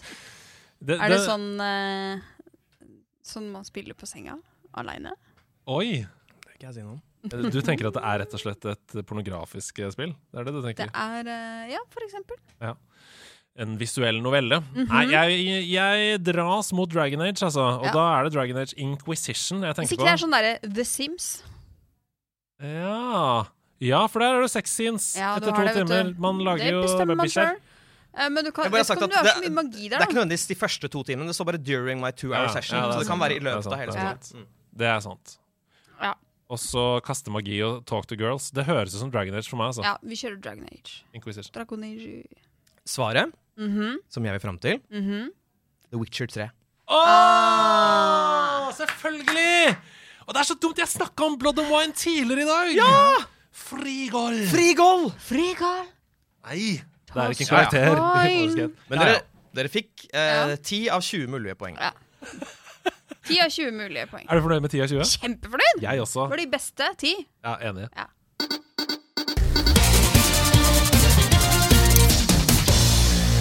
Make it happen! Or don't. Mitt navn er Andreas Edman, og dette her det er Nerdnytt! Vi fader ned nyhetsmusikken, fordi vi er tre programledere som alle tre kan bidra i dette her. Men aller først så skal vi jo inn i landet, innenriks. Eh, og da skal vi til Ida sin reportasje, for Ida hun har vært og eh, snakka med noen jentegamere. Og nå skal vi høre hvordan det gikk. Jeg er her på sentralen eh, sammen med Mulan og André fra e-sportalliansen. Og eh, jeg lurer først på, Mulan, eh, hvorfor er vi her? Vi er her i dag fordi vi har hatt eh, jentegaming. Et arrangement som vi har gledet oss veldig lenge til. Og det er et arrangement hvor vi har hatt en åpen gamingdag for jenter.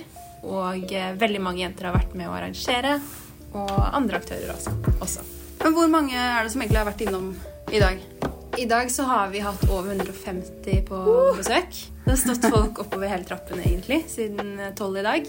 Men hva kan man spille når man kommer på jentegaming? Fall Guys, Valorant, eh, og så har vi hatt Mario Kart-turnering. Og eh, Smash. Ja. Eh, men en annen fyr som også har vært her, er jo André fra e-sportalliansen. Hvorfor har dere arrangert jentegaming i dag? Vi søkte Lotteri- og stiftelsestilsynet om penger i starten av 2023. Og gjennom det prosjektet så har fem eh, utvalgte idrettslag eh, hatt både jentegaming og fysisk aktivitet i sin klubb. For å håpe å rekruttere flere jenter inn i gaming-sporten. Eh, og så har vi avslutta da hele dette prosjektet med denne flotte dagen på Sentralen. da. Men eh, hvorfor, hvorfor eh, skal vi jobbe med inkludering? Trenger vi det, da? Er det ikke bare, oss, Ja. er det ikke bare for oss jenter å bare bli med? Nei, Det har vist seg at det kanskje ikke er så enkelt som det man tror. da. Nå har jo flere aktører eh, belyst utfordringer eh, som jenter møter innen gaming e-sport. Vi har bl.a. Medietilsynet som har eh, noen tall eh, som viser det at eh, jentene har andre barrierer enn gutta når det kommer til dette med gaming. Jeg merker at det er jo, Vi ser jo at det er et behov. At vi sier kanskje ekstra godt og tydelig frem at vi ønsker jentene velkommen. Eh, For man ser jo at når man ikke gjør det, så er det kanskje vanskeligere for noen jenter å stille. da. Jeg la merke til at det var litt øh, rollemodeller her i dag òg, kanskje? Eller i hvert fall voksne og noen etablerte spillere som eh, inspirerer andre, da. Ja, jeg tror det er viktig å trekke frem de også, i hvert fall i miljøet, og gi dem plass. Eh, Så vi hadde jo besøk av eh, Sentane fra Apex, som eh, har vært veldig med da, under arrangementet, og eh, også prøvd å bruke sine kanaler da, til å spre ordet. Og så hadde vi også med Gamer Gals, som jeg er så glad for at vi fikk med, fordi de sitter på en så veldig viktig eh, plattform, altså Discord-server, da, hvor de eh, ønsker alle jenter velkommen inn. Og eh, jeg tror det er veldig lurt å ha med de på et sånt her type event, da. Hvis man har lyst til å liksom følge med og dra på neste arrangement som dere arrangerer, hvor eh, bør man sjekke hen da? Eh, en av de er faktisk Lier sitt eh, jenteland. i midten av mars. Vi er litt i planleggingsfasen ennå. Og så ønsker vi også å se på eh, muligheten for å delta på en egen jente-e-sport-cup nærmere eh, sommeren. da, altså i slutten av morgen. Så her er det altså bare for alle jenter å følge med. Og eh, om du ikke spiller et e-sportspill fra før av, så begynn. Finn ditt spill. Og bli med på alt det gøye som skjer. Det er altså hele Norges Ida Horpestad fra Sentralen. Tusen takk for at dere tok dere tid til å snakke med meg. Og gratulerer! Yeah! Ja, så koselig. Hadde du det gøy? Veldig. Og kjempegøy å, å møte Mulan og André, og gøy å møte eh, Se at det har vært så godt engasjement, og se at de holdt på med finalen på, eh, på turneringen. Og eh, nei, dette var bare vellykka. Og jeg håper at vi ser enda mer av disse initiativene i fremtiden. Jeg synes Det var et utrolig godt initiativ. Og det er så gøy som de sier også at dette er jo noe som flere har eh, trodd på. De har jo fått penger fra flere fond, og de skal arrangere flere ting. Mm. Så hvis man ble gira av å høre om dette, så dukka opp altså, Det var jo 150 stykker, var det ikke det du sa i reportasjen? Det stemmer. Jeg, kan jo, jeg må jo bare nevne det òg. Veldig mange fritidsklubber har jo begynt å ha jentegaming. Eh, så om du er eh, i alderen til å dra på fritidsklubb, sjekk ut det. Fantastisk. Vi går videre, vi. Og da skal vi ut av landet. Det er utrolig mange merkelige nyheter i uka som har gått. Eh, føles som en sånn eh, shitshow Inc. eh, i hele spillbransjen. Nå kom det vel en ny sak i dag om at Riot sier opp 500 ansatte også. Det rakk vi ikke å få med i denne spalten, men gå inn på pressfire.no og les mer om det. Men utrolig mange merkelige nyheter, som sagt. Vi begynner med den som har fått mest oppmerksomhet inne på Discord og GG slash nederlandslaget, der hvor vi diskuterer spillnyheter hver uke. Så hvis du syns dette er en fin måte å få eh, oppfriskning på, så kan du også henge der i hashtag spillpreik. Men jo, denne har blitt typisk diskutert, og det handler om Philip Tremblay. Hvordan ville du uttalt Tremblay på fransk? Eh, Trom... Jeg, trom, Tromblé? Philippe Tremblay. Tromblé? Tremblay. Philip Tremblay, jeg bare stoler på det, siden Hasse er fransktalende. Eh, han er Ubisofts leder for abonnementstjenester, eh, og var tilsynelatende ute denne uka og kjefta på alle gamere. I hvert fall ifølge nettstedet The Gamer. Eh, og så må vi være litt kildekritiske, folkens. For The Gamer de kjørte denne her ingressen på en sak som de publiserte denne uka. Ubisofts director of subscriptions says that gamers need to start feeling comfortable i anførselstegn, with not owning the games they're playing. Og den saken setter jo selvfølgelig fyr på internett. Den ble delt hundretusenvis av ganger. Alle kom fram med høygaflene sine. Reddit uh, brant opp. Eh, og i utgangspunktet så hadde jeg forberedt en rant her, hvor jeg sa sånn OK, så hvis dere vil at uh, jeg skal feel comfortable with not owning my games, begynn å feel comfortable with me not playing your games. var egentlig Wow! Men så fikk jeg melding av Ole Torstein Hovig, som har vært gjest her i Sidequest noen ganger, og han sendte meg en eh, tweet-rekke, eller X-rekke heter det vel nå, Ikke, bare si tweet-rekke. Si tweet fra Audun Rodem i gamer.no. Som hadde gjort kildekritikk på dette The Gamer-intervjuet, og det er jeg veldig takknemlig for. Takk til deg, Audun. For det som The Gamer har skrevet, det stemmer ikke. Det er på grensen til fake news. Eh, I originalintervjuet så skriver altså Audun Rodem han har skrevet i den tråden at Tremblay, Tremblay, Trem- Tremblay. Tremblay egentlig sier dette i intervjuet. For at abonnementstjenester skal vokse, må det skje et lignende skifte som innen film og musikk. Et bruksmønster må endres. Akkurat som at publikum ble vant med å ikke eie film eller musikk, så må det samme skje for at spillabonnementstjenestene skal vokse. Med andre ord så sier ikke denne sjefen i Ubisoft at vi skal tvinge spillerne over på å ikke eie spill. Han bare sier at for at disse tjenestene skal vokse, så må det skje en holdningsendring. Og det er ikke sikkert Ubisoft vil det. Mm. De bare sier at det er det. Er det, Det er forutsetningen for at det skal skje. Nettopp. Ja. Uh, The Gamer har lagd åpenbar ragebate, Ja. rett og slett. Så det er veldig mye å kritisere Ubisoft for, men this is not it, chief, som man pleier å si i memens tidsalder. Memens tidsalder? Ja. Men Med meg. La oss bare ta, for Vi har jo snakket om dette før i nederlandslaget, men la oss ta diskusjonen i utgangspunktet. da. Er dere klare eller slash åpne for å ikke eie spill dere spiller?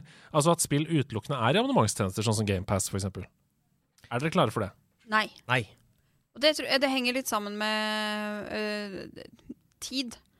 Altså øh, Jeg Når jeg konsumerer musikk, så konsumerer jeg, ganske stor bredde i Mm. musikk. Mm. Og kan høre på mange artister i løpet av en time. Ja. Mens med spill så vil jeg jo gjerne bruke 20 timer, 30 timer i ett spill. Mm. Eh, og dermed så har man liksom et annet behov for å eie det, Mm. kanskje? Og så blir man investert på en annen måte. Det å sette på en låt det kan absolutt være en fantastisk opplevelse, men det er fort over igjen. da. Eh, men som du sier, at hvis du, hvis du kjøper deg et spill, uh, så kan du spille litt nå. Sånn som uh, min kone Camilla, hun spiller jo Tears of the Kingdom nå. Eh, og hun spilte litt i mai, og nå. Og det er nesten et år siden det kom. Så hvis det hadde vært på en abonnementstjeneste, så kunne det ha rotert ut da, nå. Men jeg elsker jo det stedet vi er nå, for nå føler jeg at det er pose og sekk. Ja. Eh, fordi at eh, jeg kan på en måte ha liksom kvantitet eh, med abonnementstjenester. Jeg kan teste masse spill, jeg kan spille masse forskjellig hvis jeg har lyst til det. Og så kan jeg investere penger i spill som jeg har liksom ekstra mye troa på at jeg er villig til å betale for å spille. da. At jeg vil like uh, Ja. Jeg har også lyst til å beholde det sånn som det er nå, selv om det sannsynligvis ikke kommer til å skje. Noe kommer til å gå i en av retningene, tror jeg. Men jeg er bare redd for at det blir sånn som Jeg syns det funker altså Som eh, konsumør av musikk så funker det veldig bra. For artistene så er det jo veldig lite penger å hente på Spotify osv. Men jeg føler jo at f.eks. når det kommer til filmer så har jo på en måte eh, altså Netflix-HBO-modellen gjør at vi har plutselig tilgang på en god del filmer for en lav sum. Men det gjør at det er på en måte de som eh, kuraterer hva vi får se og ikke. Og plutselig så er det masse filmer som ikke er mulig å, å, å, å finne der. Og folk har sluttet å kjøpe fysiske filmer. Og jeg føler at det gjør at altså, filmmediet blir litt sånn fattigere av det. Og jeg er redd for at det også skal skje med spill. At vi bare spiller abonnementsspill og slutter å Som du sa, Ida, altså at du kjøper et spill, og så vier du tiden din til det. Så jeg syns det er veldig viktig at vi fortsatt har begge deler. Ja, for nå har det blitt litt sånn uh, Hvis vi skal se en serie, da, begynne på en serie, så er det litt sånn OK, men ligger den på en av de tjenestene vi allerede betaler for? Nei, ok, men da er det liksom veldig mye enklere at vi heller velger noe annet å se på, i stedet for å betale for å se den serien.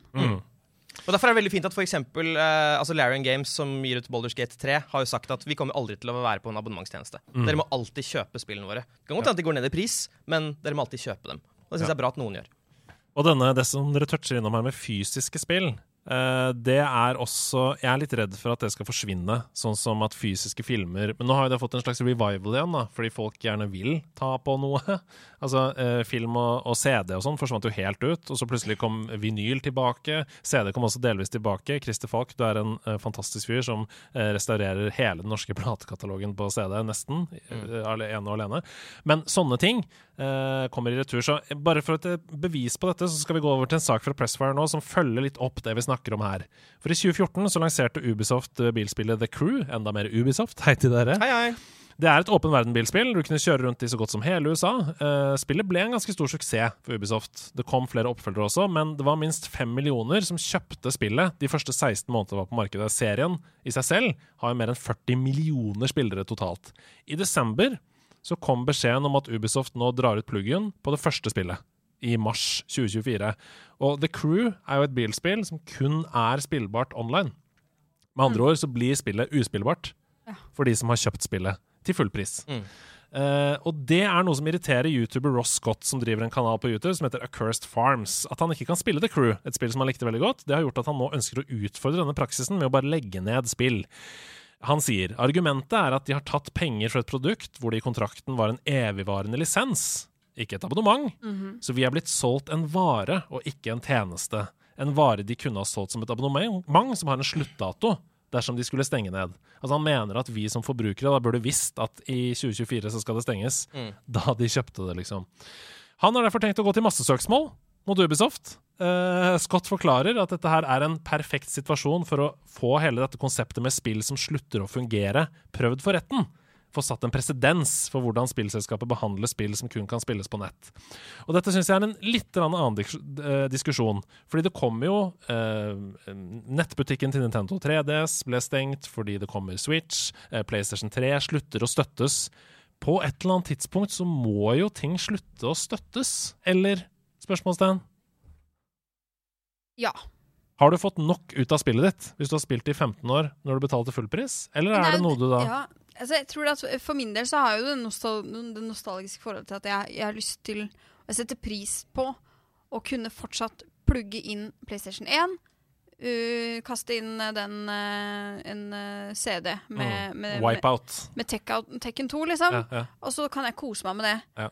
Um, samtidig som jeg, og jeg Jeg vil fortsatt ha det, men samtidig så skjønner jeg jo at kan jo ikke ha en forventning om at alt som ikke er på en måte fysisk og uavhengig Altså det, det at jeg kan uh, plugge i PlayStation 1 og spille av den CD-en, det krever ingenting av noen andre. Nei. Det krever bare at jeg klarer å ikke Mm. ødelegge det materialet der. Ja, ja. Mens det å opprettholde servere, det å opprettholde uh, at ting skal fungere, eh, det krever jo noe av noen andre. Og Ja. jeg tror at vi må tenke at dessverre, at når vi kjøper et produkt sånn, som krever noe av noen andre, at det, har en sluttdato. Da. En levetid, liksom. Ja. Men er det det som Altså, Men når du et, eh, når du kjøper en mobil, da, forventer du at den skal fungere godt for alltid?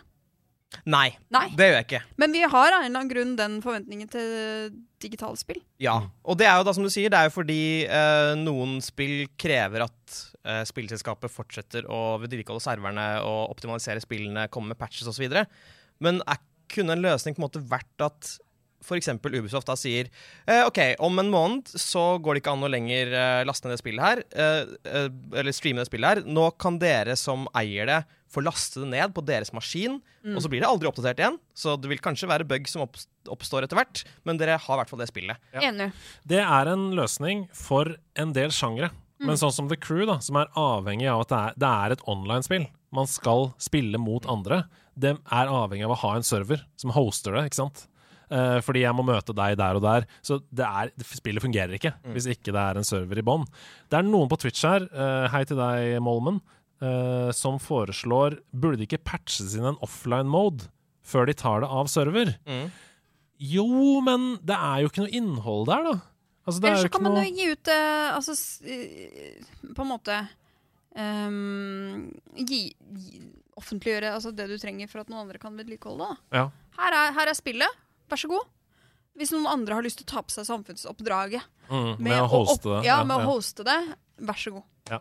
Og så I en verden av liksom, rettighetskluss og sånn, så er det sikkert vanskelig å få til. Jeg vet jo det, andre kan begynne å tjene penger på din IP og sånn. Men likevel.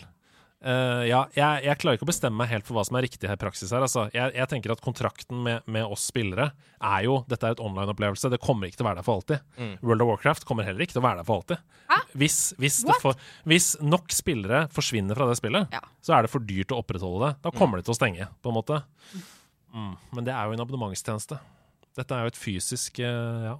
Men det er som du sier, Ida. Når vi kjøper en bil, så forventer vi at den varer i så mange år. Mm. Når vi kjøper eh, en mobil, osv.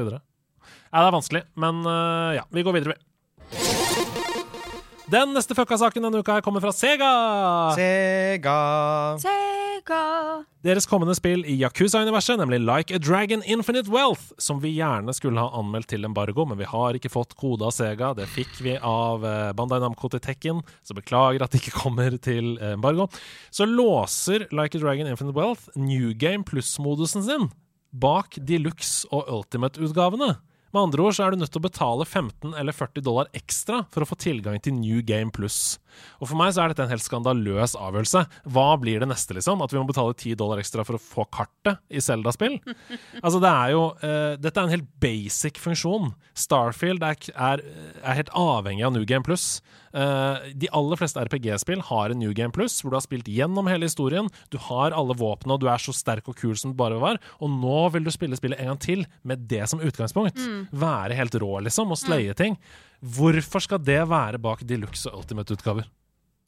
Nei, De må tjene mer penger. ja. Også, jeg, altså, jeg syns for all del at det er uh, uhørt, uh, men jeg syns ikke det er det samme som å ikke ha kart. Fordi det er på en måte en grunnleggende mekanikk i spillet som du trenger for å spille det fra begynnelsen av. Altså New Game Plus er jo når du har uh, gjerne runda det og vil ha en, en større challenge i neste omgang. Men det setter en presedens. Utvilsomt. Vi har sett mange presedenser bli satt før, som nå har nærmest blitt bransjestandard. eh. Så Ja. fy, fy, fy, fy. fy. Det jeg syns er problemet, for jeg er helt enig uh, Yakuza eh, Infinite Wealth er et 120-timersspill, så det er ikke sånn det, er- Du får innholdet ditt. Ja. Men de, de lirker opp døra, på en måte, fra å ta vekk funksjoner. Det er det som er problemet. Ja, ja, ja. At du, du er redd for OK, nå begynner det her. Hvor går det hen? A dollar to jump, liksom. Men er vi ikke allerede der, da? Når folk i, altså, de gir ut um, spill som ikke er ferdige ennå? Mm. Mm. Jeg tenker vi er allerede der. Dette er jo egentlig på en måte ikke så gærent. Eh, Det er jo som en DLC, på en måte. Ja. Eh, bare, det, er, det er mye verre med spill som ikke er ferdige, som de tar full pris for, og så er det Vet du hva? Ja. Det er jeg enig i. Og så tenker jeg også at jeg kunne vært enig hvis New Game Plus inneholdt masse mer innhold. Ja. Hvis det var sånn New Game Plus eh, er For det, sånn er det jo i Starfield. Altså, eh, Hvis du spiller det spillet på nytt i New Game Plus, så er det en annen opplevelse. Mm. Eh, da kunne jeg kjøpt det som en delelse. Mm. Mm. Eh, hvis det er sånn Det koster 10 dollar ekstra fordi her er det et ny, ny historieoppdrag, f.eks. Men når det bare er den modusen Det er det samme spill Da betaler du for spillet ditt to ganger, da. Ja. Men altså, vet, vet du hvor stor eh, forskjell i pris eh, vi snakker her? Ja, det er 15 dollar. Uh, Ja, 150 kroner for å spille New Game Plus, egentlig. Ja. Det er for mye. Det er for mye. 20 Ja, det er for mye. kanskje. Ja, kanskje 20 kroner. Jeg er enig. OK, vi går videre, vi. Det er kanskje ikke så sabla rart at Valve har slutta å lage spill. For denne uka her så kom en rapport som avslørte hvor mye de tjente i 2023 på lootboxes i CS. Altså sitt ene spill. Ett av sine spill. Vil dere prøve å gjette hvor mye de tjente på lootboxes i CS? Eh, Fem milliarder kroner. 5 milliarder kroner. Hva heter det? Nei. Fem milliarder, det, må jo, det kan ikke være så mye. 100 millioner. 100 millioner? 10,5 milliard kroner. Nei! 10,5 milliard norske kroner på lootboxes i CS. 1 milliard dollar. Det er jo Det er jo Det er et, eh, et, et, et nasjonalbudsjett, liksom. Det var det første jeg tenkte på. Og dette her betyr, har jeg skrevet, at dersom lootboxen i CS hadde vært et land, Mhm. så hadde det vært på 165.-plass over land i verden sine inntekter. Lootboxene i CS tjener mer enn land som Liechtenstein, Færøyene, Bhutan og Djibouti har i inntekter hele året gjennom! Det er altså mer enn 400 millioner lootboxes som ble åpna i CS i 2023. Jeg, skjø jeg, jeg skjønner det ikke engang. Jeg syns det er helt Jeg syns det er helt sjukt. Ja, det, det er Altså, Man Altså, tenk så mye himmelfallen penger som er på en måte, det, er in det er ingenting! Det er ingenting! Mm. Nei, Det er ikke en dritt! På en måte. Det er bare Det er Ja. Hva? Nei, altså Problemet med, problemet med skins i CS spesifikt da, er jo at det har blitt et slags svartebørsmarked. ikke sant? Så at hvis man, får, hvis man er veldig heldig da, og skraper skrapeloddet, eller eventuelt åpner Pokémon-kortpakka der Så hvor jeg gullkortet skikkelig sint. ja. Hvis man er veldig heldig, for det er jo Ja. gambling, så kan man selge dette skinnet sitt online for mange penger. Så det er jo noen som på en måte En, en ting handler om å være kulest i spillet og se kulest ut. En annen ting handler om å faktisk spekulere i at Ja. i at, å tjene penger. liksom Gamble. Bucky Specs. Nei, det er jo, eh, det er jo en liten spilltragedie, da. At eh, et av verdens suverent beste spillselskap eh, ikke lager spill fordi de er for rike. Det er jo veldig, veldig synd. Det er jo helt, når du sier det sånn, så er det så tragikomisk! Et av de aller, aller beste. De kunne jo brukt masse penger på å lage liksom kule spill Mm. som var et sånn kunstprosjekt. Sånn ting som er bare sånn Dette er en genial idé, men det er så lite kommersielt, så ingen kommer til å støtte det. De kunne Så lagd sånn, Stanley Parable de en gang i året. De, ja. Ja, og vi får bare håpe at uh, Half-Life Alex var ikke bare en blipp, men at de jobber med sånne prosjekter da, eh, hele tiden. Fordi når du får 1 milliard dollar i året fra lootboxes, da har du råd til å prioritere å lage spill, tenker jeg. Utvikler 343 Interactive har varslet at den femte og nåværende sesongen for Halo Infinite blir den siste. Det skriver pressfire.no. Så til alle dere som spiller Halo Infinite, kondolerer. I stedet så skal selskapet legge ut såkalte operations, som de kaller det. Det er mindre varianter av sesongene, som skal nå vare i fire til seks uker i slengen, og som har egne battle passes på en mindre skala enn de forrige sesongene hadde. Under en livesending så kunne utviklerne fortelle at de kommer til å fortsette å oppdatere spillet i tiden framover, men at deler av teamene som jobbet på Infinite, nå har gått over til å fokusere på fremtiden og jobbe på nye ting. Så det er en slags soft nedleggelse av online. Hva tenker du på, Ida? Jeg bare tenker på at dette, spurde, nei, dette spillet burde jo hett uh, Halo Finite. Ja! Oi! Det var ikke Infinite! Det er er, ikke Infinite, Det det er er. Finite. Dere er veldig gode i dag, begge to. Ja, ja, ja. Halo Infinite det kom ut på tampen av 2021, så det er snart tre år gammelt, og ble aldri helt den umiddelbare suksessen som Microsoft hadde sett for seg. Og disse endringene det kan jo være starten for slutten for dette spillet, eller i det minste tegn da, på at Mm. utviklerne roer ned innsatsen til fordel for et nytt spill. Ja, Kanskje ja, Valve skal komme og ja. Implementere noen lootboxes. Nei, men altså, at, at, ja, at det betyr at de kanskje heller satser på å lage et nytt Halo-spill. Vi får jo håpe det. Det er Jeg jo syns- fortsatt en av de sterkeste IP-ene der ute. Og jeg syns Hello Infinite sin singleplayer-del var knallbra. Mm. Av ti, tenkte jeg. Mm. Mm. Flerspillereventyret Pal World har eksplodert på en måte som få andre spill har gjort tidligere. Jeg nevnte jo innledningsvis her hvor lett det er å bli revet med av det, og sånn har det vært for mange. Det skriver gamer.no. For søndag så nådde Pal World 1,3 millioner samtidige spillere, ifølge Steam DB. Og det er nesten 300 000, det. Flere. Det er ti ganger så mange som Liechtenstein. Altså, vi, det er eh, Ja. Det, det, er, det er 300 000 flere enn CS2, som var nummer to på lista den dagen. Tallet er det femte høyeste noensinne på Steam. Bare 4000 spillere bak Dota 2 på fjerdeplass. Det er helt sinnssykt. Og det er verdt å nevne at Palworld ikke er eksklusivt for Steam, sånn som jeg sa i stad. Det er også tilgjengelig for Xbox på GamePass, så disse tallene gir ikke en fullstendig oversikt over hvor stort Palworld faktisk er. Dette er jo solgte eksemplarer. Det er jo ikke et free to play-spill engang. Det er helt vilt. Med tanke på at Palworld har solgt fem millioner eksemplarer på tre dager Hvor mye koster det egentlig? Nei, Det vet jeg ikke. Det kan jeg sjekke nå. Palworld, uh, Ja. Steam Skal du ta Price? jeg, Det jeg liker Prisjakt. Prisjakt. Verdt å sjekke. Prisjakt. Jeg liker at uh, det heter Palworld. det. -hmm. Jeg synes det er en fin tittel. Uh, det koster 300 kroner på Steam. Så det Money er jo uh, Ja. Uh, og ja, ikke sant? De har nådd fem millioner eksemplarer uten å regne med gratis nedlastninger via GamePass. Forteller jo hvor enorm denne suksessen er, da. Enorm. Uh, er det motiverende å høre at uh, det er så mange andre som spiller? Er det motiverende for å teste det selv? Ja, jeg ble motivert allerede i stad, så Ja. jeg skal spille. Kult. Mm. Bli med Syns på det er bølgen. altfor mainstream. Jeg prøver å være litt mer spesiell. Vi skal finne noen indie-favoritter for deg. Takk. Ja. Da må du lukke ørene nå, for to virkelig svære spillutgivelser denne uka er uh, i gang. Og det er gøy! Nå, nå begynner det, liksom. Oi. Nå er det 2024, og nå kommer de nye store spillene. Hæ? Ja! Ja! Først ut er Tekken 8. Hallo! Oi!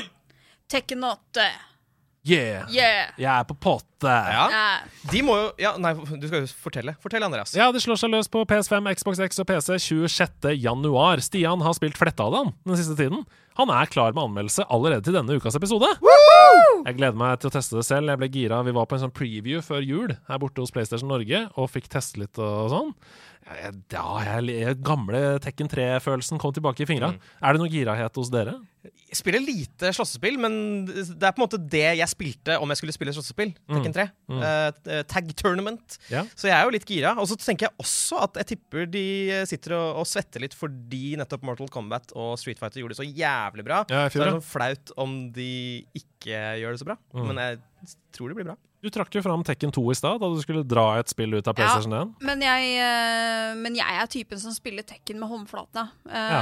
Så eh, Det er en button mashing-teknikk. Da bør du lytte til Stians anmeldelse etterpå, for han har en spesifikt råd til alle som spiller Tekken med håndflata. Han skriver til og med det. Hvis du spiller Tekken med håndflata. Ja, sånne som meg. Ja, ja. Ja, ja, ja. Du vet, dag. jeg spiller bare indie-favoritter som uh, God of War, Ragnarok og sånn. Bitte lille spillet fra indie-utvikleren Santa Monica Studios. Samme dag så kliner Sega til med Like a Dragon Infinite Wealth, og det herlige RPG-spillet med sitt skrudde univers kommer ut på alle konsoller bortsett fra Switch og PC fredag 26. januar. Bare husk å kjøpe deluxe eller premieutgaven hvis du vil ha tilgang på New Game Plus. Er altså like a dragon. Oi! Breath, Got some infinite wealth. Make it happen! Like. Mitt navn er Andreas Edemann, og dette her, det var Nerdenytt.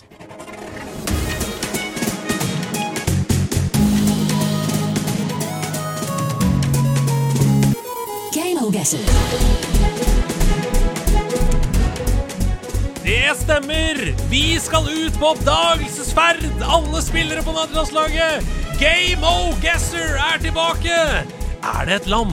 Er det en by? Er det et vann? Er det en sky? Jeg vet ikke! Men i Game of Guesser så kan alt skje. Det er altså sånn at vi som sitter i studio, vi får oppgitt navnet på tre steder i spill. Det begynner vanskelig, og så blir det lettere og lettere, og vi skal gjette oss fram til hvilket spill det er vi skal fram til. Og Ida, det er du som har forberedt. Det er jeg som har forberedt. Jeg er litt eh, usikker Dette er jo en ny spalte. Mm. Litt usikker på om jeg har eh, forberedt den riktig. Ikke noe problem. Vi prøver oss Vi tar oss eh, fram. Da kan denne er litt lett. Ja. Men det går bra, det òg. Vi får se. Da skal vi gjøre det spennende uansett, med uh, tvile... tvil, Vi, late som vi tviler uansett. Ja, vi tviler uansett. OK, er dere klare for ledd én? Er du klar, altså? Er du i, er du i tidens riddermodus? Jeg har vært tidens ridder i mange mange uker. Jeg er kjempeklar. Du er det. Det er greit. Da, OK. Nummer én. nummer én. Joja Mart. Joja Mart. Har du lyst til å stave det? J O J A mellomrom M A R T. T. Joja Mart. Dette kan jo da være en slags butikk? Ja, jeg tenker jo eh, Det er typisk sånn når man eh, Hva heter butikken i mm, eh, Simpsons? Den heter Quickie Mart. Mm, ikke sant? Quickie Mart.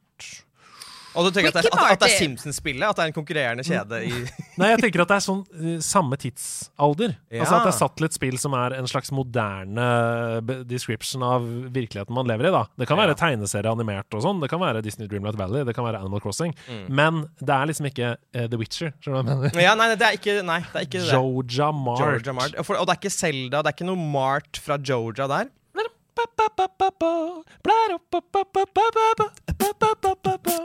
Det er fra markedet i Ocarina of Time. Det er det. Uh, jeg har ikke noe minne om Joja i uh, spill. Det spillet Zelda-spillet som jeg er svakest på, det er jo Skyward Sword. Det er det. Det husker jeg minst av. Mm. Lengst siden jeg har spilt. Joja Mart. Um, jeg tenker jo også på hvem vi sitter foran her. Ida spiller jo mye City Skylines, uh, Mm. Theme Park Hospital, holdt jeg på å si. ja, men At det kan være et sånt spill, da. Ja da. At det kanskje Joja Mart er en av kjedene i The City Skylines 2. Ikke sant. Kan det også være Cyberpunk? Nei. Joja Mart? Nei, det, kan ikke det. Det er Nei. altfor hyggelig Mart-navn til Det hadde være hett Kill You Mart. Ja, hvis det gonna var- fucking kill you, Mart, you asshole. jeg har lyst til å si City Skylines 2, jeg. Da svarer vi det. Det er feil. Oi! Okay, Få en ny location, da. Din Men for dere kan gjette hver gang. Ja. ja, ja ikke sant? Ja, ja, ja. Nummer to. ja. Stardrop Saloon. Stardrop Saloon. Nå lukter det Stardew Valley. Det lukter Stardew Valley, Nå så lukter det Stardew. Det gjør jo det. Ja, Georgia Mart. Men ville hun gjort det så lett at hun har et sted som har samme ord i seg som tittelen? Ja. Ja, det ville hun. Jeg kan se for meg det. Stardrop Saloon. Ja, og Joja Mart. Veldig Stardew Valley. Er det noe saloon i Stardew Valley? Det er jo, det er, vet du, for det er jo seasons der man går gjennom. Kanskje det er mer sånn sommeraktig når det er saloon. Ja. Eh, det kan også være Dreamlight Valley. La oss ta Dreamlight Valley. Nei, Hipster svar. Nei, vi gjør ikke det. vi gjør ikke det. Vi må Du må svare denne gangen. Magefølelsen sa Stardew. Stardew Valley. Det er riktig. Ja! Det er veldig, veldig bra. Veldig, veldig bra. Hva er Ja. det siste, da? Community Center. Ja, Ah, det. Valley. Det hadde vært Ja. for For det er jo på en måte hele Ja. poenget med det spillet. Ja. At man skal pusse opp Community Center. Det er ikke hele poenget, Nei. men det er en slags Men det uh. Eh, eh, eh, gøy å forberede. Vil eh, jeg ta med meg denne erfaringen til neste gang? Eh, litt for enkelt? Jeg synes det var kjempebra. Kjempebra. Helt perfekt. De som har spilt Stardew Valley, de vet med en gang. Mm. Ja, de og det er helt perfekt, det. Mm. Det er sånn det skal være her i Gameogasser. Anmeldelse i nerdelandslaget. Er dere spente på hva Tian tenker om Tekken? Hideo Kojima, han har tatt Ja, hvis du måtte Du sa du hadde litt erfaring med Tekken. Ja. Hvilken karakter pleide du å spille, Hasse? Jeg pleide Altså, det er veldig klassisk å si Eddie, fordi det var alltid lettest fordi han er veldig uforutsigbar. Ja. Men jeg er også veldig eh, glad i eh, bjørnen. Å ja, ja, ja, ja. Ja. Har du noe minne av Tekken? Law! Eller King! Ja, King, vet du. Der har vi. Stian spiller King. Eh, Eller han Yosemitsu. ja, for det er min! Ja. Jeg er Yoshimitsu med dobbelt dobbeltsverd. Ja. Kan gjøre helikoptermoves. Jeg er veldig spent jeg, på hva Mhm. Stian syns om Tekken 8, den nye i franchisen. What? La oss høre på det. We must seek Jin Kazama. The battle to decide the ranks of the new world begins now.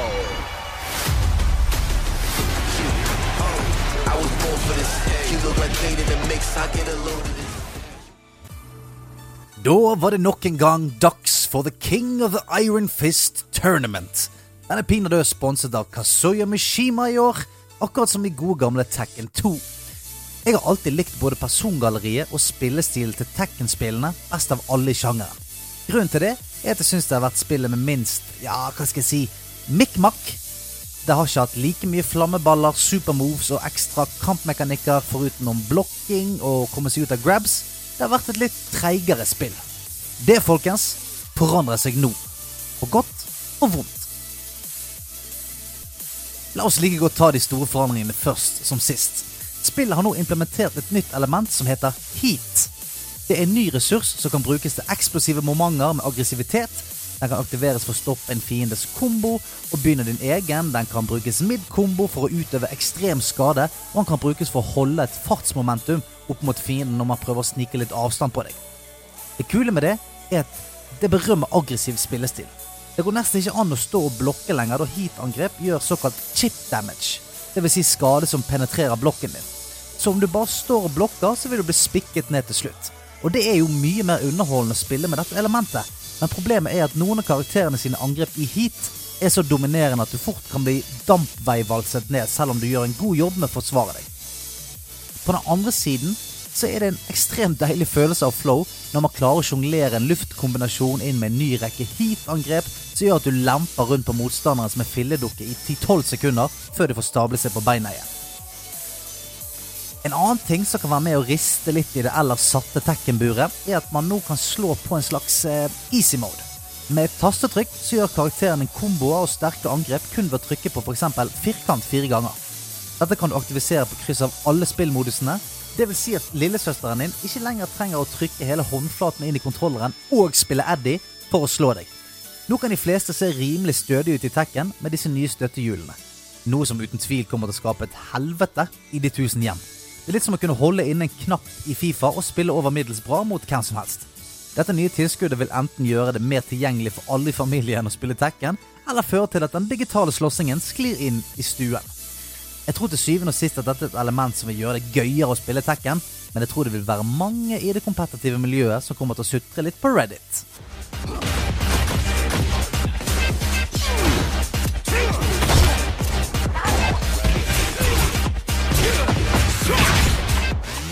Historiemodusen i Tekken 8 det er ren brifing fra animatørene i Bandai Namco. Det skal vi komme tilbake til.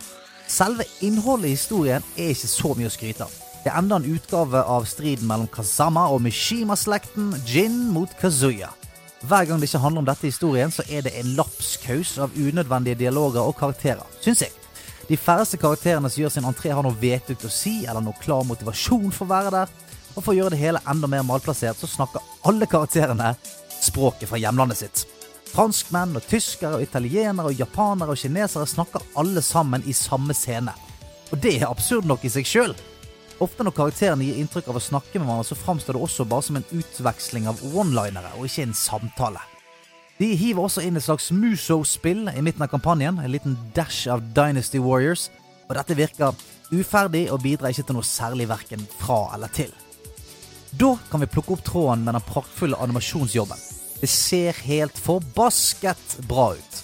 Cinematics, spillmodellene, arenaene man slåss på. Jeg vil bruke ordet fantastisk. Noen av brettene man slåss på, er så godt laget at jeg, jeg blir av og til eh, stirrende inn i bakgrunnen for å se alt som foregår der.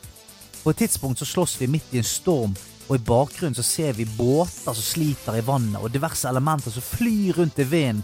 Regnet pisker og blander seg inn i slagene. Mot slutten av story-moden så tar det fullstendig av.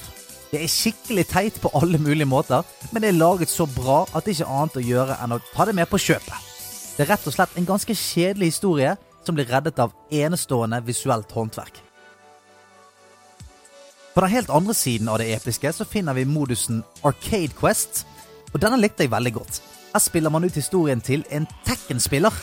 Du henger i arkadehaller og utfordrer andre folk i Tekken, melder deg på turneringer og klatrer på rangeringene innenfor det kompetitive Tekken-miljøet. Du får masse muligheter til å fikse og trikse på både avataren din og favorittkarakterene dine. Min King har i skrivende stund en toast-hatt, Wolverine-klør og en snasen gulldress. Det som er litt dumt, er at de fleste karakterene deler de samme antrekkene og utstyret du kan kjøpe til dem. Hver karakter har et par spesifikke artikler, men med mengden in game-mynter man tjener i starten, så kjøpes disse så fort at det ikke føles som at en må spare til noe sykt fett. Og dette virker som en tapt mulighet for å få folk til å grinde hardt på hovedkarakteren sin. Arcade Quest er søtt, og det er gøy, men det er relativt fort over, dessverre. Tekken ball er også tilbake. Det er ikke så mye å si her, egentlig. Det er en volleyballmodus hvor man slår en ball fram og tilbake helt til den ikke klarer å blokke eller å gi tilbake ballen, og tar da skade. Dette er en gøy liten ganerenser hvor man trenger å roe seg litt eh, ned mellom slagene, men det har ikke nok kjøtt i seg til at det er gøy lenger enn et par Smash-baller. Den siste modusen man kan sette tærne i som enspiller, er karakterepisoder. Du spiller fem kamper og får servert noen småsnacks fra karakteren sin historie i prosessen. Og nå skal jeg passe meg for å gå for hardt ut her, da jeg bare har spilt et knippe av karakterene. Men jeg følte ikke at jeg ble så mye mer kjent med de karakterene jeg testet, i hvert fall.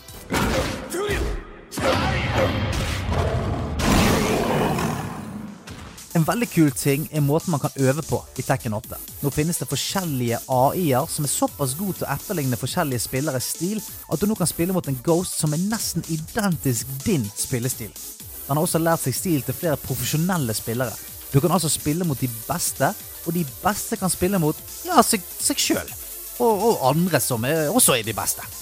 Dette er altså nå et verktøy som bru, er, er brukende for alle spillere, fra grønnskåling til vaskeekte Tekken Sensei. Avslutningsvis så synes jeg denne her er litt vrien å rulle terningen på. Nettopp fordi jeg synes det er så stort spenn mellom hvor fett jeg synes det er å spille spillet, og modusene som er tilgjengelig. Fighting-spill er til syvende og sist ment å spille mot hverandre. Så etter at vi har spist opp de åtte til ti timene med enspillerinnhold, så er det dette vi sitter igjen med. Da er det med stor lettelse å kunne si at hovedelementene i spillet føles så bra at jeg tror det blir en sann fryd å spille Tekken mot både venner i kjellerstuen og fremmede på internetten framover. Dette får 83 av 100 Blippolinis. Final round. Fight.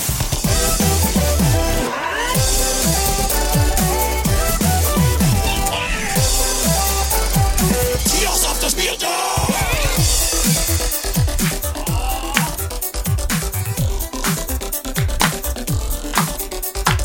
Ja da! Tears of the Spieldom er ikke død! Og det er Ida og jeg som må gruse hudene våre sammen. Var det noen som trodde at eh, Tears of the Spieldom var død? Ja, de sa sånn, det var ikke med i den første episoden, så jeg trodde den var ute. Ja men det er ikke alt du hører som er sant. Nei. Nei. I hvert fall ikke hvis du leser hos The Gamer. Det har vi- .no. Mm, ikke hør på dem Jo, gamer.no, jo, Jo. men ikke The Gamer. Det er .dk. DK. Eller hassehope. Ja. .no. Det er din nettside der du blogger om mat og maskiner. Jeg tror faktisk det finnes en nettside som heter hasseope.blogspot.com. som jeg det i 2010 for jeg trodde at eh, alle karrierer måtte ha en nettside. Det er veldig flaut. Men uh, jeg har i hvert fall forberedt uh, Tears of the Spieldom uh, i dag. Det er jo da et ordspill på Tears of the Kingdom, og at det på en måte da er tears. At det er et, flere nivåer. Og vi skal jo som alltid fram til et årstall. Det er tre deler. Første del skal være vanskeligst. Og så skal det bli lettere og lettere. Det er jo på en måte uh, greia her. Uh, tier 1, der har jeg laget en montasje. Uh, jeg har prøvd på en måte å være litt sånn Ikke journalist, men litt sånn lydtekniker. Ja. Og, legge, og sette sammen en slags kavalkade av ting som har med dette året å gjøre. Og det er jo alltid sånn her i Tears of the Spieldom at der låser vi svaret. Der låser vi svaret. Så- Så... la oss ikke låse for tidlig. La oss ikke selge skinnet før bjørnen er skutt. Jeg er helt enig, i hvert fall ikke hvis bjørnen er fra Tekken. Vi spiller av Tears of the Spieldom nivå 1 her. Hva er dette for noe?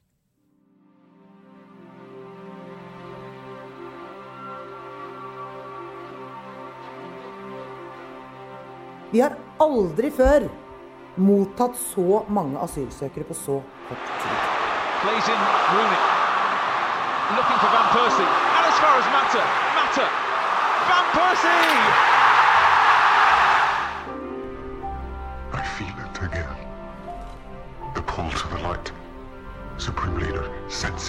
Halla, det er meg. Bare lurer på hva som har skjedd i Østfold siden sist. Vær så god. Halla. Jeg fikk så gåsehud av dette. Dette er jo eh, Vi skal jo Jeg vet Det var helt fantastisk lagd. Ja, Det er knallbra. Takk. Jeg ble dratt eh, Og det der teppet av eh, symfoni som lå i bakgrunnen, til Van Persie som scorer og sannsynligvis tar United sin s- 20. Mm. ligatittel. Mm. Det var jo et svært viktig år. Siste sesongen til um, Ferguson. Vi skal jo til 2015. Ja, Eller 14. 14 eller 15. det er rundt den tida der, da, vet du. Halla. Halla. Ja, eh, husker du det? Halla. Nei, jeg husker um, da vi fikk et gjensyn med uh, Star Wars. For vi hørte jo Kylo Ren her. Fantastisk. Eh, var det første filmen, tro? Ja, første Ja. i rebooten, ja. Ja. Og det var i For det husker jeg, for jeg så den filmen, premiere, eh, på verdens største kino. Eh, eller tror jeg det var, i, i, eh, i Sydney. Syd... Oh! Sovna momentant. Nei, vet du hva. Ha deg vekk. Jeg var så jeg var, jeg, Jetlagd? Jeg var så jetlagd. Ja. Jeg hadde vært på reise i over døgn Du bare et Å, myk stol. Deilig. Ja. Men, um, um, men ja. Eh, og det husker jeg Det må ha vært i 2014 eller 2015. Jeg tror, det er, jeg tror vi skal til 2015. Ja, jeg har en magefølelse på 2014. Ja. Uh, Van Persie var 2013-2014-ish. Ja. Men, men rundt Jeg tør ikke låse. Vi tør, vi tør ikke låse på tre points. Hæ? Jeg har null poeng i Tears of the Spieldom. Ja, ok. Vi tar neste ledd. Men vi har, vi har fått zooma inn ganske bra, da. Ja, det var solid eh, første hint her. Vi, vi går videre. Jeg skal bare, først må jeg bare si hva eh, Tier 2 er. Um, det er mitt favorittspill som kom ut det året. Altså det årets favorittspill for meg. Uh, og det er også nummer fire i rekken innenfor sitt franchise. Og nå skal vi få høre uh, temamusikken til det spillet. Ok, Da er det jo et spill som har mange spill i seg. Hvis det er nummer fire. Ok, Nummer fire rundt 2014-15. La oss høre. Uncharted. Se på det pokerfjeset til Hassa. Hmm. Det er en Charted 4, men eh, jeg klarer ikke å plassere en Charted 4. Det var på en sånn Ja, ja. Dritbra musikk. Hør på det. Men det var på en sånn showcase eh, for PlayStation 4 også. Jeg, jeg føler at det er 25, at vi skal Ja. 2015. ja. Jeg, kan stå i det, altså. Kan det er stå 20 i det? Jeg kan stå i det. Jeg kan stå i den avgjørelsen og følge deg på 2015. Jeg vet ikke. Vi, vi, vi møtte, holdt jeg på å si, uh, Siv um, eh, Siv Jensen i stad. Ja, det gjør vi. Vi har aldri tatt mot så, så mange mange. flyktninger. Og det var vel den derre uh, middelhavskrisen. Ja. Um, Um, nei, jeg vet. Jeg let's a go 2015. Hello. Vi sier det. Vi låser Hello. 2015. Ja. Da får dere Tier 3 også. Det er jo da for, for lytternes Ja. eh, del. Ja, ja, ja, ja. Lytternes pleasure. Årets best anmeldte spill, ifølge Metacritic, var Metal Gear Solid The Phantom Pain med 93. Det er 25. Samme år trakk Sepp Blatter seg som Fifa-president, og terrorangrepet på Charlie Hebdo fant sted i Mhm. Paris. Året er 2015! Ja! Du briljerer i denne episoden! Ja. To poeng i Tears of the Spiel! Men Florence, du drar det opp av sekken! Ja. 2015, du sier det én gang! Mm, med én gang.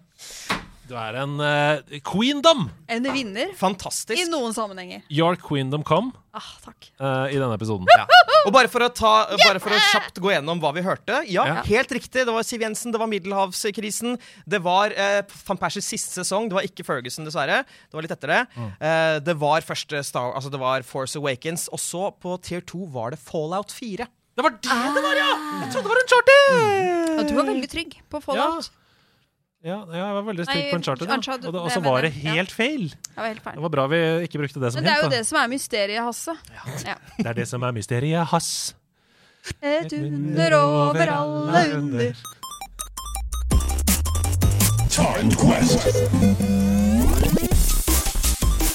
Tiden går. Timed Quest. Og selvfølgelig eh, Tidens ridder. Er det han som skal utfordres? Det er han som skal utfordres. Tidens ridder skal utfordres i Timed Quest! Hjelp! Denne Hasse nye, denne nye spalten der en av programlederne får en oppgave pardust på, må gå ut av rommet og komme inn igjen etter ti minutter. Og det kan, for eksempel, Eksempelet kan være skriv en sang om det å være Daxter og Clank til denne triste ballademusikken. Men Ida, Ja. hva, hvilken challenge er det du har tenkt å kaste på Hasse? Åh, er du klar, Hasse? Tror du at det er en bra challenge? Ja. OK. Det du nå skal gjøre, er at du skal lage sluttscenen i en Who Did It-film. Der det står blant annet mellom disse to karakterene Ida Iskald kommer fra en familie der mange har dødd av arsenikkforgiftning, har 1000 følgere på Onlyfans, utdanner seg til lege i Polen, bosatt i Lier. Les det en gang til mens Hasse får notere. Ja. Ida Iskald. Kommer fra en familie der mange har dødd av arsenikkforgiftning. 1000 følgere på Onlyfans. Utdanna seg til lege i Polen. Bosatt i Lier. Den andre karakteren det også kan være som har did it, er Hedo Helvete. Narkobaronen som alle vet hvem er, men som alle er litt redd for. Wow. Bor i Østfold. Nærmere bestemt Skjeberg. Skjeberg? Skjebær, Skjeberg, ja. Bånd til både Hells Angels og Rudskogen. Sesongkort på Allsang på grensen. Kompli altså det er sammensatt figur. Bånd til Rudskogen Og Hells Angels. og Hells Angels. Sesongkort på Allsang på grensen. Gratulerer. Du har altså ti minutter på deg til å komme opp med en slags who did it-konklusjon. Som om du er detektiven, da vel. Ja, du er detektiven. Skal, er det replikker, eller er det en historie? Jeg, jeg tenker at Jeg vet ikke, her får du leke deg, tenker jeg. Det Jeg er, ser for meg at du gjør en slags Poirot-oppsummering. Du forklarer sånn Ja, det kunne vært deg, Ida Iskald, du var jo bla, bla, bla. Og så Mm. går du gjennom hva som har skjedd, liksom. Okay. Og så konkluderer du med en drapsmann. Vi får se da hva jeg velger å gjøre. Ja. og det kan jo være flere karakterer enn det du har nevnt her også, men uh, ja. Ti minutter, altså. Kom inn igjen eh, når du føler deg ferdig. Og Eh, så er nå det noe musikk fullt- eh, Ja, du vi- skal vi- få vi har i bakgrunnen nå. Ja, vi har satt på musikk når du kommer inn. Det, det skal du få høre når du kommer inn. Eller jeg kan sende deg på WhatsApp nå, jeg, den musikken du skal ha i bakgrunnen. Hvis du vil bruke den, da. Det, um, Anyways, eh, Hasse går ut her. Det er fullt kjør inne på House of Nerds, så kanskje du må finne perlerommet på siden eller PC-rommet eller et eller annet sted du kan sitte i fred. Eh, lykke til, Hasse. Vi snakkes igjen om ti minutter. Og i mellomtiden så går vi over til den neste spalten. Hva står det på korttavlen? Det er jo det som er så fint med Timed Quest, at da kan vi bruke litt tid, da. Bare du og jeg, på å svare på litt spørsmål. Og jeg Mm. Så da begynner vi med Sneak, som har sendt inn et spørsmål til oss. Og han skriver, og dette syns jeg er spennende, hva er deres topp tre spillhull? Ja. Altså hvilke serier burde dere ha spilt, men har ikke spilt, for eksempel. Det, jeg kan begynne. Ja. Mario. Nei! Jeg har jo spilt Er det sant? knapt noe Mario i det hele tatt. Wow, det er ny informasjon for meg! Jeg vokste opp med, med PlayStation, ikke med Nintendo. Ja, Så jeg har spilt eh, kjempelite Mario. Så- Super Mario og sånne ting. Men 2D-Mario og 3D-Mario, da? Ikke liksom Mario Kart og sånn? Det har du spilt Mario litt på, Kart har jeg spilt. På, på, her på stream og litt forskjellig? Og det spilte hjemme òg. Mario Party? Mario Party, kjempegøy. Ja. Det er det 2D Mario og 3D. Ja. Plattform-Mario, Ja. liksom. Plattform Mario. Mario i sitt pureste form. Det er ikke en del av min um... oppvekst. Og jeg syns ikke det er så morsomt heller. Nei, for det er mitt neste spørsmål. Ja. Appellerer det til deg i det hele tatt? Syns jo uh, Super Mario Wonder ikke var så veldig gøy, uh, egentlig. Uh, syns ikke det er sånn Men jeg, jeg vet ikke. Men jeg, jeg um, Er det fordi det er for lite action, eller hva er det du Du er jo veldig glad i Borderlands. Ja. Jeg vet ikke hvorfor jeg tenker på det. Borderlands og Mario. og Super Mario har jo masse til felles. Ja, men det- Nei, men det, jeg, jeg vet ikke. Jeg bare, det er egentlig ikke Jeg er ikke nødvendigvis så glad i all slags 2D-plattform. Jeg syns Nei. For eksempel ref forrige episode, Mm. um, eh, Rayman Legends. Sykt gøy. Elsker Ja, det. Megabra. Ja. Uh, det digger jeg. Ja, Kanskje det bare er liksom som du sier, da, at Rayman var der fra starten av. Mm -hmm. uh, ga det en ordentlig sjanse, liksom, Mm. da du vokste opp. Og så er det litt vanskelig i voksen alder å skulle liksom finne kjærligheten til Mario. Ja, jeg vet ikke. Men, eh, men det er nå bare som det er. Mm. Ja, ja, World of. Warcraft, aldri spilt. Å, den er god!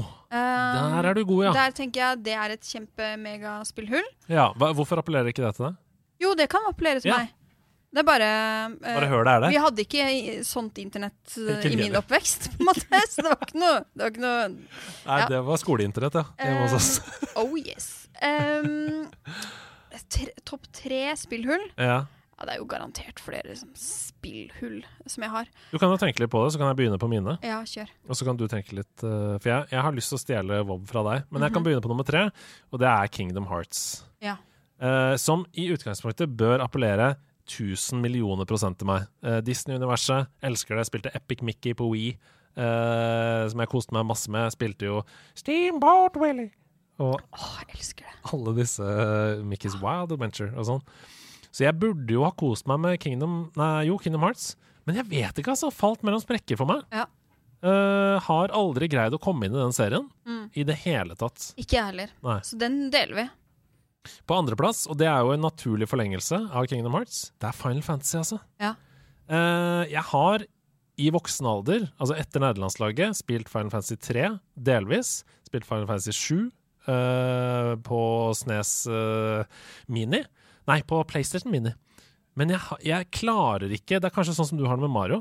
Mm. Jeg klarer ikke å falle sånn pladask for det. Syns det er bra spill. Mm. Men det er ikke sånn at jeg sitter sånn som vi, Nå har vi brukt ordet gusher flere ganger i denne episoden. Men jeg sitter ikke sånn med munnen åpen og bare Å, fy flate, ass! Jeg klarer ikke det, altså. Nei, Um, og så er, det ikke det, er ikke det greit? Skal vi på en måte bare synes at det er greit? da? Sånn er det. Vi kan ikke alle Mm. Et spillhull som jeg kan også legge til, er jo Baldur's Gate 3, øh, foreløpig. Ja. Eh, det, men det spillhullet skal jo teste. Men da kan vi kanskje si eh, på en måte CRPG, da. Altså eh, klassiske tabletop-rollespill i mm, PC-format. Altså sånn som eh, Disco Elysium, uh, Baldur's Gate 3, eh, Citizen Sleeper. Mm. Den typen spill. Sjangeren i seg selv, Mm. kanskje. For min del er det Mass Effect som er på førsteplass. Ja, eller så er det Ja. Og så er det liksom de, de der klassiske IP-ene som på en måte du Det blir Det er alltid um, Som er så sjangerdefinerende, og som er så definerende i uh, I alle topplister og alt mulig sånne ting. Mm. Som er bare felles uh, anerkjent som uh, standard, på en måte. Mm. Jeg tror jeg må spille den Mass Effect remaster-tingen som broren til Stian spilte, og som han elska så mye. Han hadde jo aldri spilt noe Mass Effect, så spilte han det, og bare det var dritbra. Jeg begynte så vidt på det første, jeg vet ikke hvorfor jeg slutta. Men jeg, jeg må få spilt Mass Effect. Altså, det er også et kjempespill. Folk refererer til det hele tiden som beste historiefortelling og karakterutvikling og sånne ting. Og så tenker jeg at det, det må være terskel for at vi, selv om vi er med i det nerdelandslaget, ikke har spilt alt. Ja, det tenker jeg også. Og vi utfyller hverandre. Vi er bare mennesker. Ja, ja, vi, Vi er bare hverandre. mennesker. All right. Her er det en anonym innsender Mhm. som skriver til oss, og dette tror jeg er um, Du er pedagog. Det kan Ja. hende at du har vært borti lignende ting. Hva kan man gjøre hvis man har noen i familien som blir ubehagelig hvis hen ikke får lov til å spille? Altså, Vi er i en situasjon der hvor en sønn eller datter eller en gutt eller jente eh, får beskjed nå, er det, nå holder det. Du får ikke spille, eller du kan ikke være med eh, Du kan ikke spille nå, for vi skal bort i helgen. Mm. Og så blir vedkommende slår seg fullstendig vrang og blir vanskelig å ha med å gjøre. da. Sint, lei seg, osv. Jeg tenker at øh, øh, Altså Det er vel med spill som det er med Hvis det er snakk om et barn, da, så er det jo på en måte likt som all annen oppdragelse. Det er viktig Mm. å sette grenser og viktig å stå i det, de grensene man har satt. Og så å ha et fornuftig forhold til skjermtid og, og, og distraksjoner og, Mm. og stillesitting og alt mulig sånne ting. Ja. Eh, hvis det er snakk om eh, Altså når det er snakk om at noen blir ubehagelig ja. eh, Altså at det blir eh, Det kan være voldelig, liksom. Det kan Ja, være, hvis det, ja. men hvis jeg snakker om sånn som hvis det er noen uh, voksne mennesker, da. Ja. Uh, si man har et søsken som er omtrent på din alder, og så er det sånn Ja, nei, vi på, på familieselskap så pleier vi å, å spille litt, men den personen blir Ubehagelig ubehagelig å ha med å gjøre. når de ikke får lov til å spille. Mm. Så tenker jeg ehm, Da vil jeg your battles. Ja. Jeg tenker sånn, jeg er helt enig i det du sier, at som foreldre som, Det er blitt en eh, kultur som gjør at man ikke kan være streng. Man skal hele tiden gå i dialog med barna Ja. sine. Og jeg tenker at noen rammer må man bare sette. Ja. Sånn nei, du får ikke lov. Og det bestemmer jeg, for vi er ikke venner. Jeg er din forelder. Ja. Det er én måte. Men igjen, da, akkurat i dette tilfellet her, så tenker jeg at hvis det har gått såpass langt, da, at eh, som man sier, det er en utfordring, det er et problem, da må man prøve å snakke sammen. Mm. Sånn, hva, hvorfor, hva er det du føler nå som Mm. gjør deg så frustrert? Mm. Eh, spillet er her i kveld også. Det er her i morgen også. Og vi er jo enige om at vi skal gjøre andre ting. Altså, man kan ha en dialog, hva, Prøve å sette ord på de følelsene som gjør at vedkommende blir ubehagelig. Og så tenker jeg det er også litt forskjell på om eh, Er det snakk om at denne personen ikke får lov til å spille aleine, eller at man ikke får lov til å være med og spille? Mm. Er det snakk om Altså, ja. Her må For- vi ha mer utfyllende informasjon. Men jeg tenker i oppdragelse er det viktig å sette grenser og stå i det, og behandle spill som alle andre aktiviteter man også må sette grenser for. Ja. Um, ja. For, det, for det er viktig å understreke at selv om vi i nederlandslaget elsker spill, så eh, anerkjenner vi det som en fritidsaktivitet, akkurat som andre ting. Det er ikke sånn at folk får lov til å spille fotball hele tiden, eller får lov til å eh, lese bøker hele tiden. Altså, man må sette grenser. Det er viktig. Det er viktig. Mm. Ok, Vi går videre til Chris the Maniac. Hei til deg. Han skriver, eh, eller hun, det kan være Kristine f.eks. Jeg, jeg har hørt på NL siden starten av podkasten og hører slavisk på hver onsdag. Fantastisk. Jeg syns det er kjempebra at Ida har begynt å utforske City Builder-sjangeren, siden dette er sjangeren jeg bruker desidert mest tid på. Og jeg lurer på om noen av dere har noe forhold til Anno-serien. Mitt favorittspill for øyeblikket er nettopp Anno 1800, som jeg anser som et av de aller beste City Builder slash City Manager-spillene som eksisterer. Og jeg tror dette vil være noe for Hedo og for Ida. La kjøttet gå. Det er hyggelig. Har Eh, du googla litt her, eller? Ja, for jeg har nemlig spilt et anno-spill tidligere. Har du det? Ja, Wow. men her snakker vi eh, mye eldre. Mm. Eh, tror det er anno 15 et eller annet, eller noe sånt. Ja. Mm. Ja, fordi uh, det som er, er at um, Grunde Almland Mm. han snakker om Anno som et grand strategy-spill. Ja. Uh, men jeg ser jo at det defineres som et bybyggende sanntidsstrategispill. Ja. Så uh, lead the industrial revolution! At du på en måte bygger deg gjennom det. da. Ja, for jeg husker det anno-spillet jeg har spilt, så var vi der i utviklingen at eh, vi drev og fanga Vi drev med hvalfangst, og så var det om å gjøre å klare å få til noe blubber og lage noe eh, olje eh, sånn av det. Ja, ja. Eh, så vi, vi er en ganske langt tilbake i tid. Ja. Og da opplevde jeg ikke det som en sånn megasvær grand strategy, fordi det var ganske sånn Uh, vi klarte, Jeg klarte å få meg noen båter, på en måte, og ha et Mm. par havner. Men eh, ikke sånn fryktelig mye mer enn det. Klart. Eh, dette er en, ganske lenge siden. Mm. Det var på det tidspunktet hvor vi hadde Windows 95 eh, på PC-en. Måtte slette alle andre Ja, spill for for å få plass til det spillet. Som også gjorde at det var ingen andre i familien som kunne bruke den PC-en til noe annet enn å spille anno. Men kan jeg spørre, brenner denne City Builder-flammen fortsatt inni deg? ja, den gjør litt det. Ja, etter Skylines. Og det henger nok også litt sammen med at eh, det er Jeg syns jo det er ganske mange overlappende elementer med spill sånn som eh, Age of Empires, for eksempel. Mm. Um, og så syns jeg det er litt deilig noen ganger å ikke Selv om det blir vanskeligere og vanskeligere å drive dette her og bygge det og få det til å bli bra og sånn, men det at du ikke trenger å liksom være redd for at noen skal angripe deg Mm. konstant. Ja. Jeg tenker er at anno 1800 høres jo ut som et bra sted da, for deg, eh, hvis du har lyst til å utforske dette videre. Tusen takk for tipset, Chris Ja, the Maniac. takk. Um, og med tanke på at City-bildeflammen brenner, så er det vel et godt tips også. Mhm. ja. Hei, nederlandslaget, skriver Eremitten. Eremitt 1. Jeg hører ofte dere si at nye spill kommer til eh, alle plattformer og PC. Eh, dette gjelder også små indiespill, som store Trippel A-spill. Mitt spørsmål er, er det lettere i dag å lage spill som er kompatible på mange ulike plattformer enn tidligere? Jeg har inntrykk av at det var mer spill som var utviklet mot individuelle konsoller tidligere. Eh, både ja og nei. Det var større konkurranse mellom konsollene før, og det høres kanskje eh, drøyt ut å si, med tanke på at vi nettopp har hatt liksom denne eh, rettighetssaken får Xbox lov å kjøpe Activision Blizzard pga. konkurranse og sånne ting. Men eh, dette begynte liksom på 80-tallet, da man begynte å utvikle egne konsoller til sine egne spill. Det fantes hundrevis av konsoller som bare hadde liksom noen få spill. Mm. Og så var det på en måte måten man tenkte at man skulle overleve på i markedet. Mm. Det var at man lagde spill til den konsollen, og, det- og så holdt man det unna andre konsoller. Så det var nok ikke lettere eller vanskeligere, det var bare at det var mer eh, Konkurransen gikk på å produsere spesifikt for én konsoll. Jeg vil jo tippe at det er enklere å patche i dag også Ja. enn det var da. Absolutt. Fordi man har en helt annen teknologi som kan hjelpe deg. Samtid men samtidig som selvfølgelig eh, koding og spill er mye mer kompliserte og mye større, da. Mm. Eh, sånn at det vil jo sikkert være mer utfordrende. Det er et spesifikt eh, tidspunkt i spillhistorien jeg kommer på, og det er mellom PlayStation 3 og Xbox 360. Da Hmm. var det mye vanskeligere å Mm. lage spill til PlayStation 3 enn det var til Xbox 360. Fordi måten RAM og eh, Altså måten minnet var fordelt på, var mye bedre for utviklerne på Xbox enn det var Mm. på PlayStation.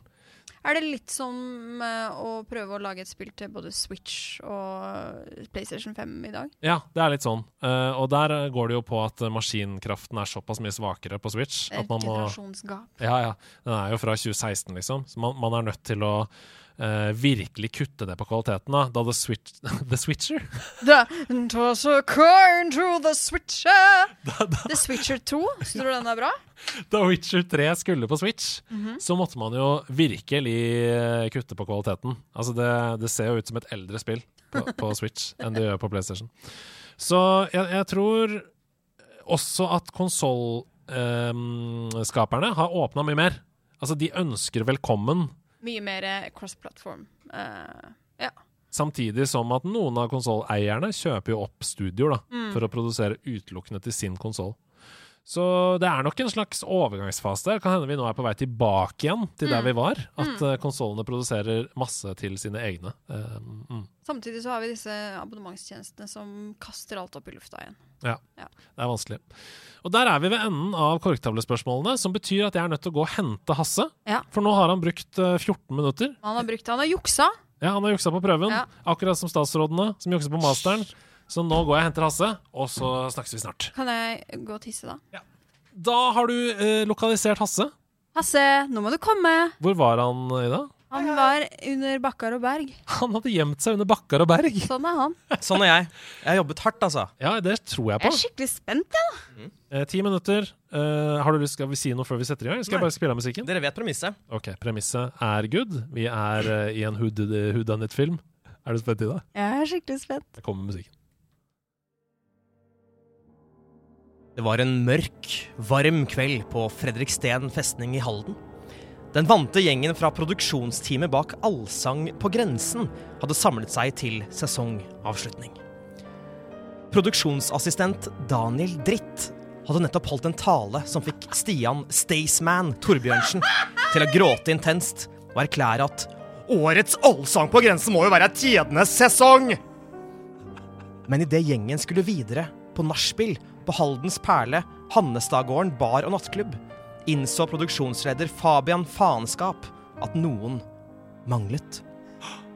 Katrine Moholt. Nei! Et skrik kom plutselig inne fra handikapdassen. Hedo Helvete, produksjonens Steadicam-operatør, kom løpende ut. Hjelp! Hjelp! Katrine er død! Og hun lukter arsenikk! Crewet mistet det helt.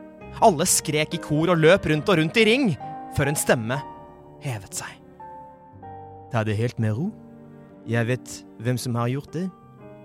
Hasse Herreminhatt la bowlerhatten på bordet foran seg. Det åpenbarte seg for meg for to sekunder siden. Hva er det du snakker om, din gamle fis? Ropte Ida Iskald, crewets ansvarlige for sosiale medier. Hun er ikke død! Jeg spilte jo nettopp inn en lettkledd video av meg og hun som dansa i bare tangaen på Onlyfans! Slapp helt av, din idiot, sa Hasse Herminat selvsikkert. Og hør mitt resonnement. Tidligere i dag så jeg Bjarne Ballespreng som lagde en drink til Katrine. Hun hadde bedt om en, hun, hun hadde bedt om en drink uten arsenikk. Men hva tror du at hun fikk? Ida Iskald reiser seg brått opp. «Eh, eh, Hvor er det du skal med det herran? Det herran her? Hold din kjeft, kom det resolutt fra Hasse Hermenat. Etter Katrine Moholt fikk sin drink, så jeg at hedo helvete. Narkobaron alle vet hvem er, men som alle er redd for, putte en pille i hennes drink. Eh, Hvor er, hvor, hvor er det du skal med det herran? Kom det resolutt fra Hedo helvete. Ja, jeg er en del av Hells Angels, men jeg har da virkelig ikke forgifta henne med en arsenikkpille? Nei, det har du ikke. Pillen du la oppi var en Paracet. Du hadde nemlig fått med deg at Katrine hadde vondt i hodet fordi hun nylig var forkjølet. Et lettelsens sukk kom fra Hedo helvete. Men så kommer vi til deg, Ida Iskald. Hvor er det du skal med det, herran? kom det resolutt fra Ida Iskald. Jo, nå skal du høre. La oss ta en titt på Onlyfans-videoen som ble postet for ti minutter siden. Crewet satte seg ned foran LG-TV-en og så på at Hasse Herminhatt fiklet med innstillingene. Eh, Har denne TV-en Airplay? Eh, Jeg, jeg, jeg tror den har noe som minner. Det er ikke Airplay per se, men skal ha samme funksjon. Sa Hedo Helvete selvsikkert. Er. Til slutt fikk de det til. Videoen kom opp på skjermen, og der så de Ida Iskald som danset i tangaen med Katrine Moholt Plutselig tok hun opp en sprøyte og satte den i rumpeballen til Katrine. Dette er en arsenikksprøyte! Jeg, jeg kommer fra en familie der mange har dødd av arsenikkforgiftning, og nå skal du dø av det samme! Hasse Hermenhatt skrudde av TV-en. Ja, Ida Iskald, hva har du å si til ditt forsvar? Ida tok av seg sin sombrero og sa iskaldt. Jeg skjønner ikke hvordan du løste det! Og nå skal dere alle dø av arsenikk! Ida tok frem arsenikkpistolen sin og skjøt samtlige, inkludert detektiven Hasse Herminatt, så alle døde. Så alle døde.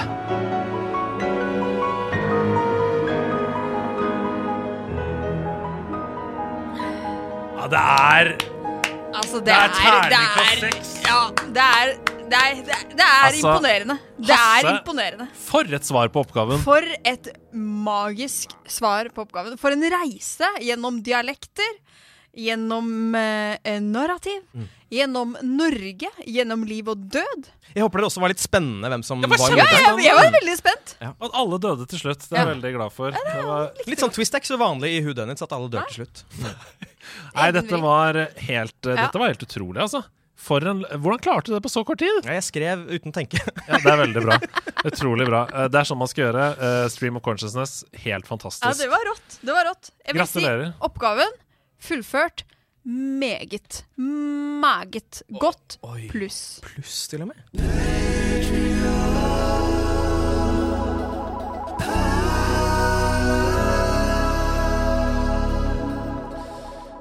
Vi har jo snakket om tilfeldigheter i nederlandslaget før. At uh, plutselig så snakker vi om Sonic Generations i en episode som vi aldri har snakka om før, og så er det plutselig svaret på Tears of the Spilldom. Mm. Jeg har laga noir, jeg. Nei! Nei, jeg har ikke det. Jeg har ikke laga noir. Det er, å, det er å dra i. Men jeg har, jeg Laga Who jeg har lagd uh, en Patron-perle denne uh, måneden, og den er ikke morsom. Så vi må bare legge av oss det med en gang. Det er tungt, Mm. Det er dramatisk, og det er fordi den er satt til Disco Elysium. Jeg har skrevet en Patron-perle som om vi alle er innbyggere i Martinez eh, fra Disco Elysium. Fordi når jeg spiller Baldur's Gate 3, og når jeg spiller spill som var fantastiske fra fjoråret, så tenker jeg så mye på Disco Elysium. Eh, og det spillet har aldri forlatt hodet mitt siden jeg spilte det forrige gang. Jeg syns det er så bra. Um, I Disco Elysium så har alle, alle er stemmelagt, til og med din indre stemme. Og nå skal jeg være den indre stemmen. uh, når jeg skal fortelle om Patron-perler satt til Disco Elysium. Og dette, uh, bare for å fullføre den tankerekka fra i stad, jeg skal spille det på nytt. Jeg, da jeg skrev dette, så kjente jeg nå skal jeg spille dette spillet på nytt igjen. Uh, og det er jo da et av mine på en måte nyttårsforsetter. Spill det du har lyst til. Så Disco Elysium, jeg kommer tilbake til det. Jeg gleder meg. Jeg skal spille helt annerledes enn forrige gang. Åh, jeg kan ikke vente. Men her kommer altså uh, Patron-perler for januar, som er satt til da Disco Elysium-universet. Er dere klare? Ja. De regntunge gatene i Martinez glitrer i takt med neonlyset fra skiltene og kaster en melankolsk aura over byen denne kvelden. Luften er tykk av duften av fuktighet, billig parfyme og fortvilelse, og den fjerne summingen av en saksofon maler hver kvadratmeter med brostein litt mørkere med sin sorgfulle melodi.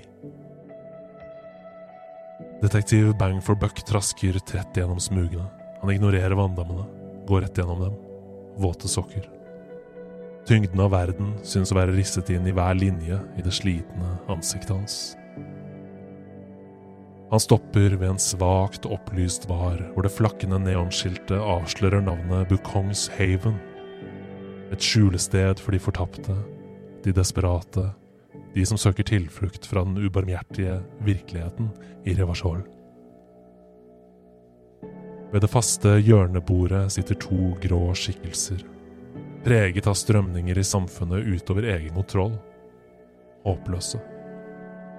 Der sitter Bergskås, en grublende filosof med tomt blikk knippende på et glass fylt med væske gyllen som rav.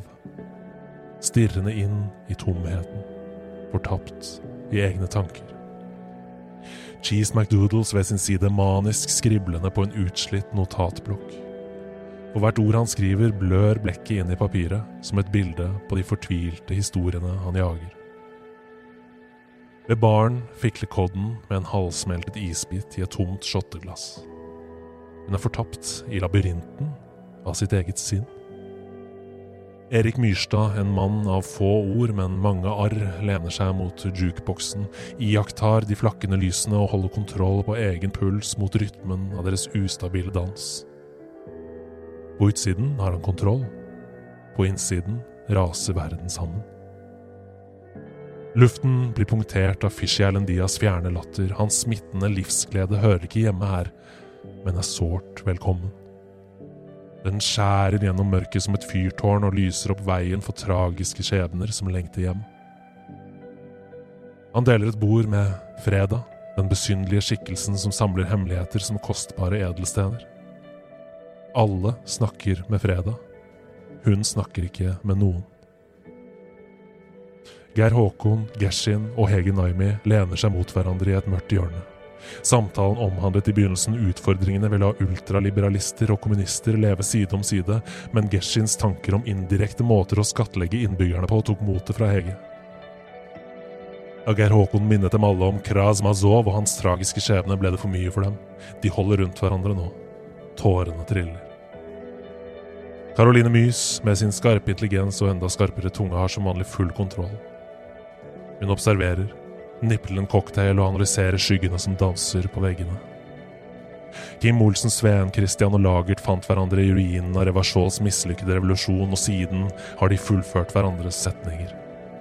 Nå utveksler de blikk ved bordet sitt og er helt enige om at The Insulindian Phasmid eksisterer. Mysteriet binder dem sammen i en kjerne av knuste drømmer. Lars Gravningsmyr, Lucivere, Wahigili og Mats Gulstad, alle barna nordirske flyktninger fra voldskrisen på 60-tallet, klamrer seg til kulturarven og improviserer musikk på den lille scenen. Lyden av instrumentene deres sklir inn og ut av harmoni og disharmoni, og etterligner dermed Martinezes egen symfoni.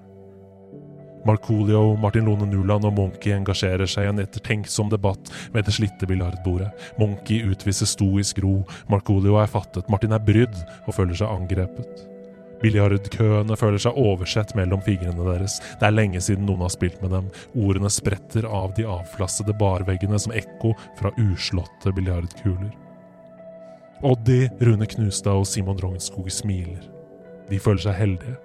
Heldige som kan bre dynene over seg med tak over hodet, vel vitende om at de utgjør en forskjell for byens innbyggere på daglig basis. Hva de gjør, vet bare de, og sånn må det også være. De deler et stille øyeblikk ved vinduet, ser regnet falle mot brosteinen utenfor, optimisme i hver dråpe av fellesskap som knuses til uendelig mange små vannmolekyler for hvert slag mot asfalten. Sindre Aarsæter og Sondre Apalseth, brødreparet med ulikt etternavn, lener seg mot baren, nipper til drinkene sine og utveksler forståelsesfulle blikk. Én har spurt dem hvorfor de ikke heter det samme. Han vet ingen hvor er, og derfor spør ingen lenger. De og som Bill, Toer og Tore sover uforstyrret i en bås innerst i lokalet, en kort hvile fra mørket som omgir dem. De er trygge der.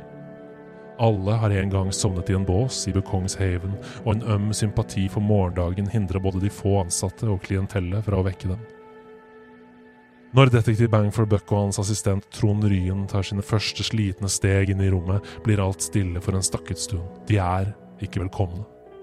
De representerer forandring, og selv om livet nesten ikke er til å leve, så er tanken om å vippe den skjøre tilstanden ut av balanse tyngre enn håpet om å jobbe for et bedre liv. Tyngden av deres nærvær henger i luften. Trond Ryen nikker mot Wahigili som et signal om at han skal fortsette å spille på sitt ustemte trekkspill. Wahigili bøyer hodet. Øynene deres snakker et språk kun de som har gått de samme skyggefulle gatene, kan forstå. I hjertet av Martinez, midt blant de flakkende neonlysene og det evige regnværet, er navnene til disse tapte sjelene risset inn i byens historie. Hver enkelt av dem er en tone i den melankolske melodien de kaller Disco Elysium.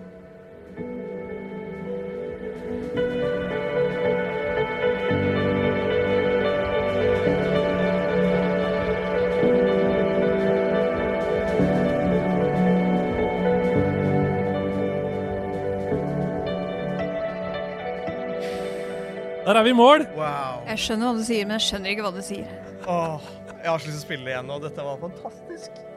Åh! Helt! Du må skrive toeren, du. Du Ja, det har hadde vært gøy. Oi, shit, det her går musikken fortsatt, ja. Jeg skal prøve å avslutte den fanen der. Ja, men så gøy at dere likte det! Det er jo som du sier, det er mange ord, og det er mye ut og inn, men sånn er jo det spillet.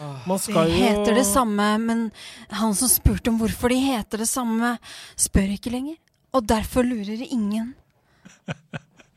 Ja, men det er sånn det spillet er. Man må på en måte bade litt i sin egen hjerne for å, for å kose meg med det. Jeg føler litt av det jeg har sett Donnie Darko. Ja, men det er jo det spillet! det. Fantastisk, altså. Nei, da er vi i mål med denne fantastiske episoden. Tenk så mye gøy! Vi har, vi har Tidens ridder. Vi har uh, Your Queendom Come der borte.